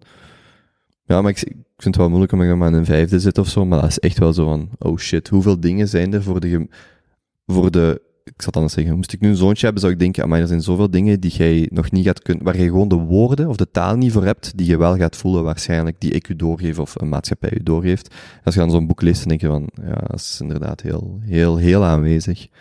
En ja, in die zin vond ik dat wel. Ja, en, en de titel is ook heel goed, hè, I don't want to talk about it. Typische mannenreactie. Gewoon doordoen, doorwerken. Nee, ik heb een half miljoen loon per jaar, ik ben waardevol, en, maar mijn dochters praten niet tegen mij. Het is wel een heel interessante manier om daarover te denken. Hoe noemde je het? Overt en co covert. Ja, dat is, dat is het punt dat die auteur, en dat is zo'n... Ja, Dat is een bekende term. Ja, ja. Ja. Ja, en het is vooral omdat je zo... Dat boek geeft u, en dat vind ik altijd heel mooie ervaringen van boeken of podcast of eh, gedichten. Wanneer u dat de woorden geeft om iets te kunnen uitdrukken, wat je al aanvoelde. Zo dat aha-moment, maar aha-moment is vaak intellectueel, dat je iets snapt.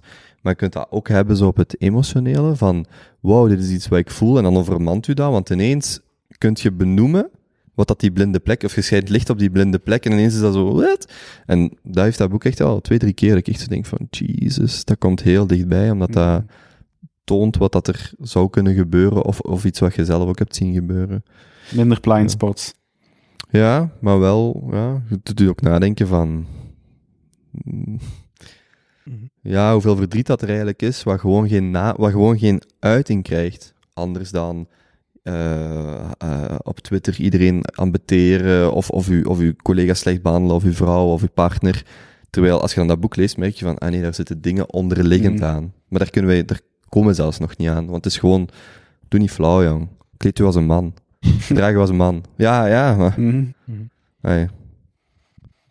Komen ze ook met oplossingen of met suggesties van hoe we daaruit geraken? Of... Ja, dus, in- dus dat is dan, het boek gaat daarover, een zo'n typische opbouw van, eh, dit, zijn, dit is wat ik gezien heb in mijn eh, carrière en dit is aan het einde. En daarmee, ik, heb, ik zit nog maar een pagina 60 of Ja. 70 of zo. Maar het is omdat die twee hadden daar, die Peter T, en dat is toch iemand die ik echt al, die ik al langer volg als Tim Ferriss, dus echt al zeven of acht jaar. En die zei dat van, dat boek, dat heeft, mij, dat heeft voor mij heel veel betekend. Dat boek is van 97 of zo. Hij zegt, dat heeft voor mij echt de knop kunnen omdraaien om te dealen met dingen waar ik mee zat. Hm. En dan denk ik, ja, heb ik dat gewoon ja, heb ik dat meteen besteld. Cool. Ik denk dat, alleen wat, wat dat mij aan doet denken is, ik, ik, ik, ik kan alleen nog maar refereren aan mijn vader. Hè, want ik ben nog zelf 30. Ik ben nog vrijgezel. Allee, ik, ik heb nog vrij veel vriendschappen rondom mij. Hè. Ehm, en zoiets gelijk als dit is denk ik ook gewoon heel waardevol als man om dat te, doen. Hè. Gewoon met een, een, een groep venten op verlof gaan. Maar als ik dat dan kijk bijvoorbeeld naar mijn vader, die ehm, heeft dat ook altijd gehad, heeft dat nog altijd. Maar je ziet daar dan zo soms, of ik ben dan zo opgegroeid met bepaalde fake nonkels. Hè? Zo niet nonkel by blood, maar nonkel by friendship. En ik heb dat bij een paar van die mannen bijvoorbeeld zien gebeuren. Eén specifiek dat mij, mij, mij opkomt. Ehm, en eh, zo ja, het heel moeilijk hebben met eh, zich bloot te stellen aan er is van alles niet goed. En langs, langs buiten, langs, als je daar van op afstand bekeek, had die man alles. Zoon, dochter, dik huis, vrouw, dikke job. Maar je begon, je begon die mensen te zien. Je, die, die werkte meer en meer. En ja, ben ik een jaar of zes, zeven geleden, is hij zo in één keer op een bende gegaan. Drie dagen niet thuisgekomen. Strontzat. Eh, en, eh, en dat is daarna zo nog, ja, nog een paar keer gebeurd. En, en dat, dat denk ik wel, of dat voel ik zo soms wel, dat je zo bij oudere mannen zo heel veel ziet van, ja, die het heel moeilijk hebben met, als ze met dingen zitten, om het zo, om dat, om dat zelfs gewoon te verwoorden naar zichzelf toe, maar laat staan om dat te verwoorden naar, naar een maat, naar een andere, een andere man. Ik denk dat, vrouwen dat bijvoorbeeld veel beter doen. En ik weet niet of dat, dat biologisch komt, of dat dat cultureel bepaald wordt. Want wat ons pa dan bijvoorbeeld ooit vertelde, omdat hij hecht daar wel heel veel waarde aan, is hij, eh, hij is ooit heel veel naar Turkije geweest. En hij zei, dat is zo mooi om daar te zien. Hij zei, je ziet daar soms mannen over het straat wandelen, met hun pinkjes in elkaar. Hand, ja, of hand in hand. Of hand in hand. Natuurlijk. En hij kwam daar de eerste keer en hij dacht, huh? Maar wacht, homofilie is hier toch verboden? dus hij vroeg dat dan, hij kende dan een, een, een Turk, waar dat hem dan daar altijd naartoe ging daar. En hij zei, nee, nee, nee, nee, dat zijn geen, die hebben geen seksuele relatie, hè, maar dat zijn, dat zijn heel goede vrienden. Ja. En die tonen dan aan de rest van de maatschappij. Dat kennen wij in Vlaanderen niet, hè? Mhm. Dat kennen wij helemaal niet, hè? Hm. Ik wil ik straks wel zo de piazza lopen met uw pinksken in mijn hand. Oké, mooi. Er is dat is mooi gezegd. bijvoorbeeld in dat, in dat boek, eh, jij vroeg daar net een concreet, ik moest nog aan iets denken, ook omdat hij dat vertelde. Ehm, dus dat is zo'n typisch voorbeeld, eh vent, C-level, Fortune 500, half miljoen, drie dochters, die is hij volledig kwijt na 25 jaar. Die, hij scheidt van zijn vrouw, eh, maar hij vindt het heel jammer dat zijn dochters hem enkel zien als een blanco cheque machine, die gewoon geld geeft, maar dat er... eh, en is dat zo dat voorbeeld dat die in therapie zitten en dan, dus de schrijver, de, de, de therapeut, beschrijft dan van hoe dat die daar in therapie mee omgaan. En die komt tot op het punt waarop dat die man eigenlijk uitlegt, die papa, en dat wisten zijn dochters ook niet, hoe dat eh, zijn moeder een zware alcoholverslaving had. En dat hij eigenlijk gewoon jaren aan een stuk dronk, dronk. En kort gezegd, dat hij daar eigenlijk altijd de wacht moest houden. Dus als 10-jarige, 12-jarige, 14-jarige aan dat bed heeft gezeten, en gewoon, ja, letterlijk, moet ik de ambulance bellen voor mijn moeder, of moet ik ze meer drank gaan halen? En wat, wat, wat dat die dan al, die, psycho, die therapeut, heel duidelijk geeft, is, dus die maakt dan de brug tussen, je vlucht in je werk, of je vlucht in je job, weg van je familie, maar je bent eigenlijk al van je tiende aan het werken. Je zit al van je tiende, 24 op 7, een bepaalde job aan het doen, en je zet dat gewoon verder. Want, want hè, uit zorg je voor, of wat het dan ook is. En dan zit je dat zo en dan denk je, ah ja, jij waart een tien. Zo, hoe vaak dat hij al in die boek heeft geschreven van, ja, maar jij waart een kind. En dus die, die volwassen man heeft dat geïnternaliseerd van, ik moet die verantwoordelijkheid op, oppakken over die moeder, over die kinderen. En dat kan ik alleen doen door 20 uur per week te werken, eh, per dag te werken, bij wijze van spreken. En dan zit je dat zo en dan denk je, ja, tuurlijk. Maar moest je voor jezelf kunnen identificeren dat jij als kind niet verantwoordelijk waart of niet de schuld werd van je moeder die dronken was, dan werd je misschien ook niet 30 jaar van je gezin weggewerkt.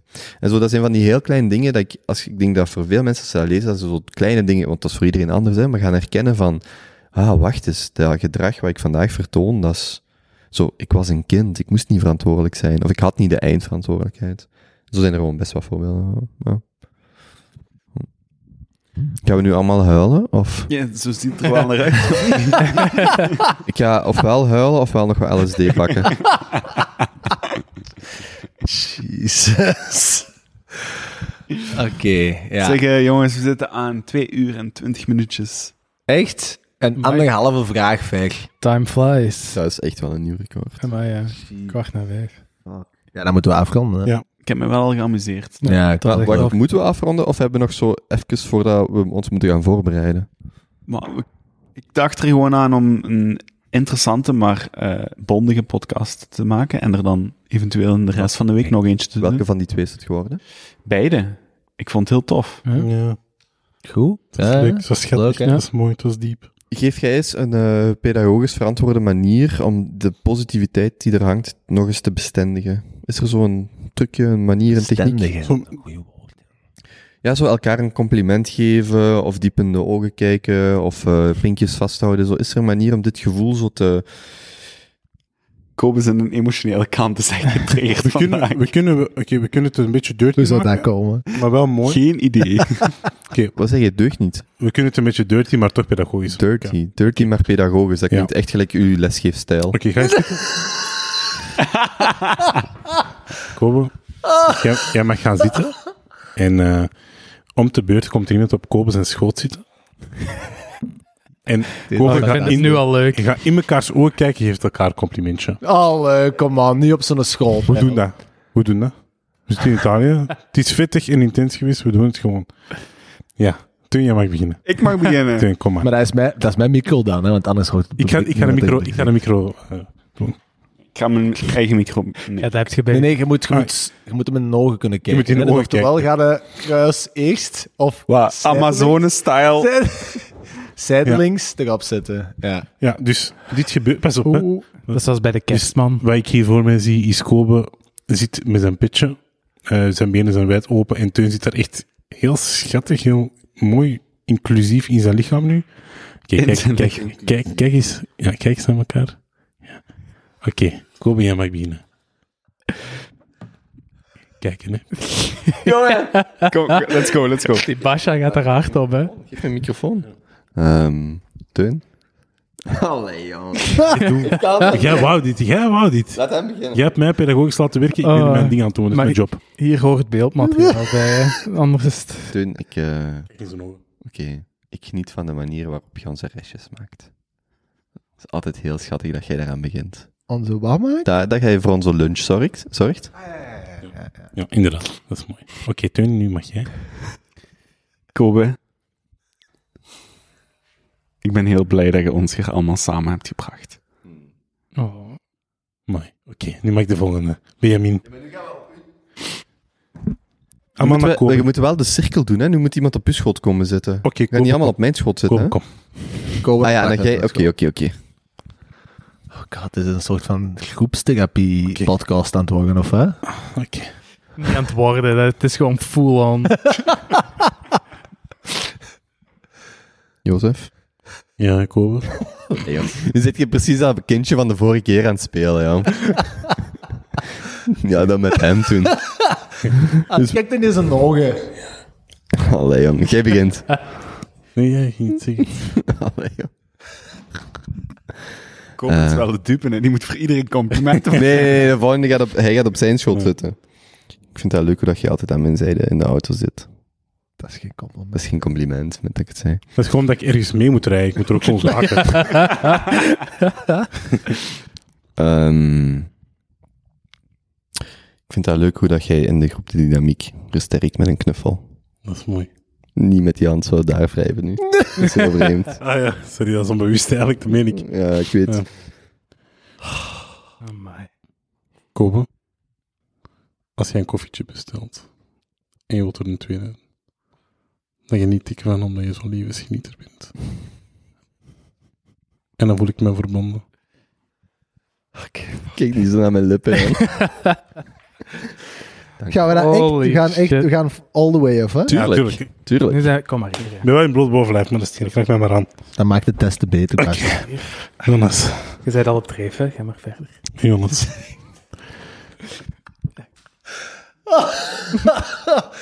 Jonas, Oh man, dat is... Basha? Zeg het eens. ik geniet van de sereniteit, de maturiteit, maar de echtheid die je uitstraalt. En als ik hem in zo'n droom zie spelen, Dan voel ik het echt helemaal. Oeh, amai, dat was even... Dat ging heel diep. Jezus. Ja. Wacht, Maar wacht. wa- wa- Kom maar, deze is toch leuk. De dynamiek is toch... ja, Nu moet Jonas moet- bij mij. Ja, Jonas. Ja. Jonas? En ik moet hem een complimentje geven. Ah, Ik was aan het denken over de masje. Ah, ik moet u geen compliment geven. Ik moet Toon een compliment geven dan, of wat? Ja, Ja, we zijn te veel aan het gaan. Ja. Kom maar, het is prachtig. Yes. dat is zeker. Nou, Zeg hij ook het comfort. en wie gaat dan zo- Dat is wel even heel kort bij, hè? Ik doe dit met mijn studenten. Pakkend, hè? Oké.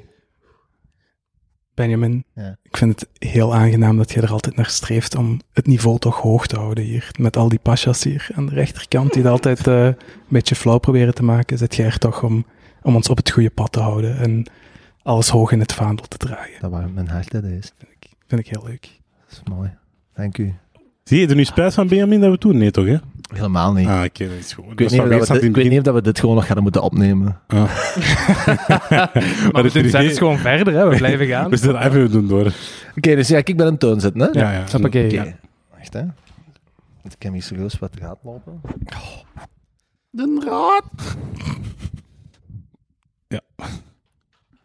Jezus. Pas op met die aprol. Pas op, niet Heppel. Dat is wel een smaal billetje dat je hebt, En hè? je bent een ferme jongen. zo. Je moet er wat meer in kreppen, Benjamin. Je, zit, Oké. je moet er Dan? echt voelen. Je kunt Ik, eh. Ik apprecieer enorm de rust dat je eigenlijk uitstraalt. Dagdagelijks. Je werkt er ook aan, maar je merkt het. Dank u. Prachtig. Mooi. Oké, kijk. Wauw. De Basha delivers wel, hè. Ja, inderdaad. Oh, pas op, pas op. pas op. Liefde overwint alles. Altijd. Prachtig. Ja, dank u. Toch Dat is leuk. U ook een bondingssessie met vrienden? Nodig dan Basha L. Oké, goed. Eh, lieve vrienden, Dit was En editie, vriendinnetjes. editie 1 van eh, Italië. Ja, Mai. Ik volgend jaar het, ik de tranen aan het wegvegen van het lachen, dus dat is positief. Moeten we de volgende keer niet allemaal zo een beetje geïntoxiceerd zijn, of net niet, of allemaal aan het vasten, of heel vroeg, of heel laat? Een Of? LSD, of... Hm. Kunnen we aan de luisteraars laten of aan de Instagram-volgers? Moeten zij bepalen wat de Zullen we het aan drankenlijst die is? laten? Dat is misschien we wel gevaarlijk. hè. Hey, ik zit al wel met een tweede Aperol, dus ik voel wel iets. Hier ook. Ja. Ja, en over jullie gaan we niet beginnen. over eh Kobe en Jonas? Mm, ja, Nee. Koben en Jonas, Ja, exact. inderdaad. Ja. Exact. Koben en Jonas. Goed. Ehm, Op welk knopje moet ik drukken om het af te sluiten, Kobe? maar boys, misschien eh, moet, mo- moeten we nog een baba ganoush hebben of niet? Misschien kunnen we dat gezamenlijk doen. Gezamenlijk een baba ganoush. Teun, op dit knopje. Ah. Oké, drie. baba ganoush op drie. Oké. 1, 2, 3. Papa ganoush.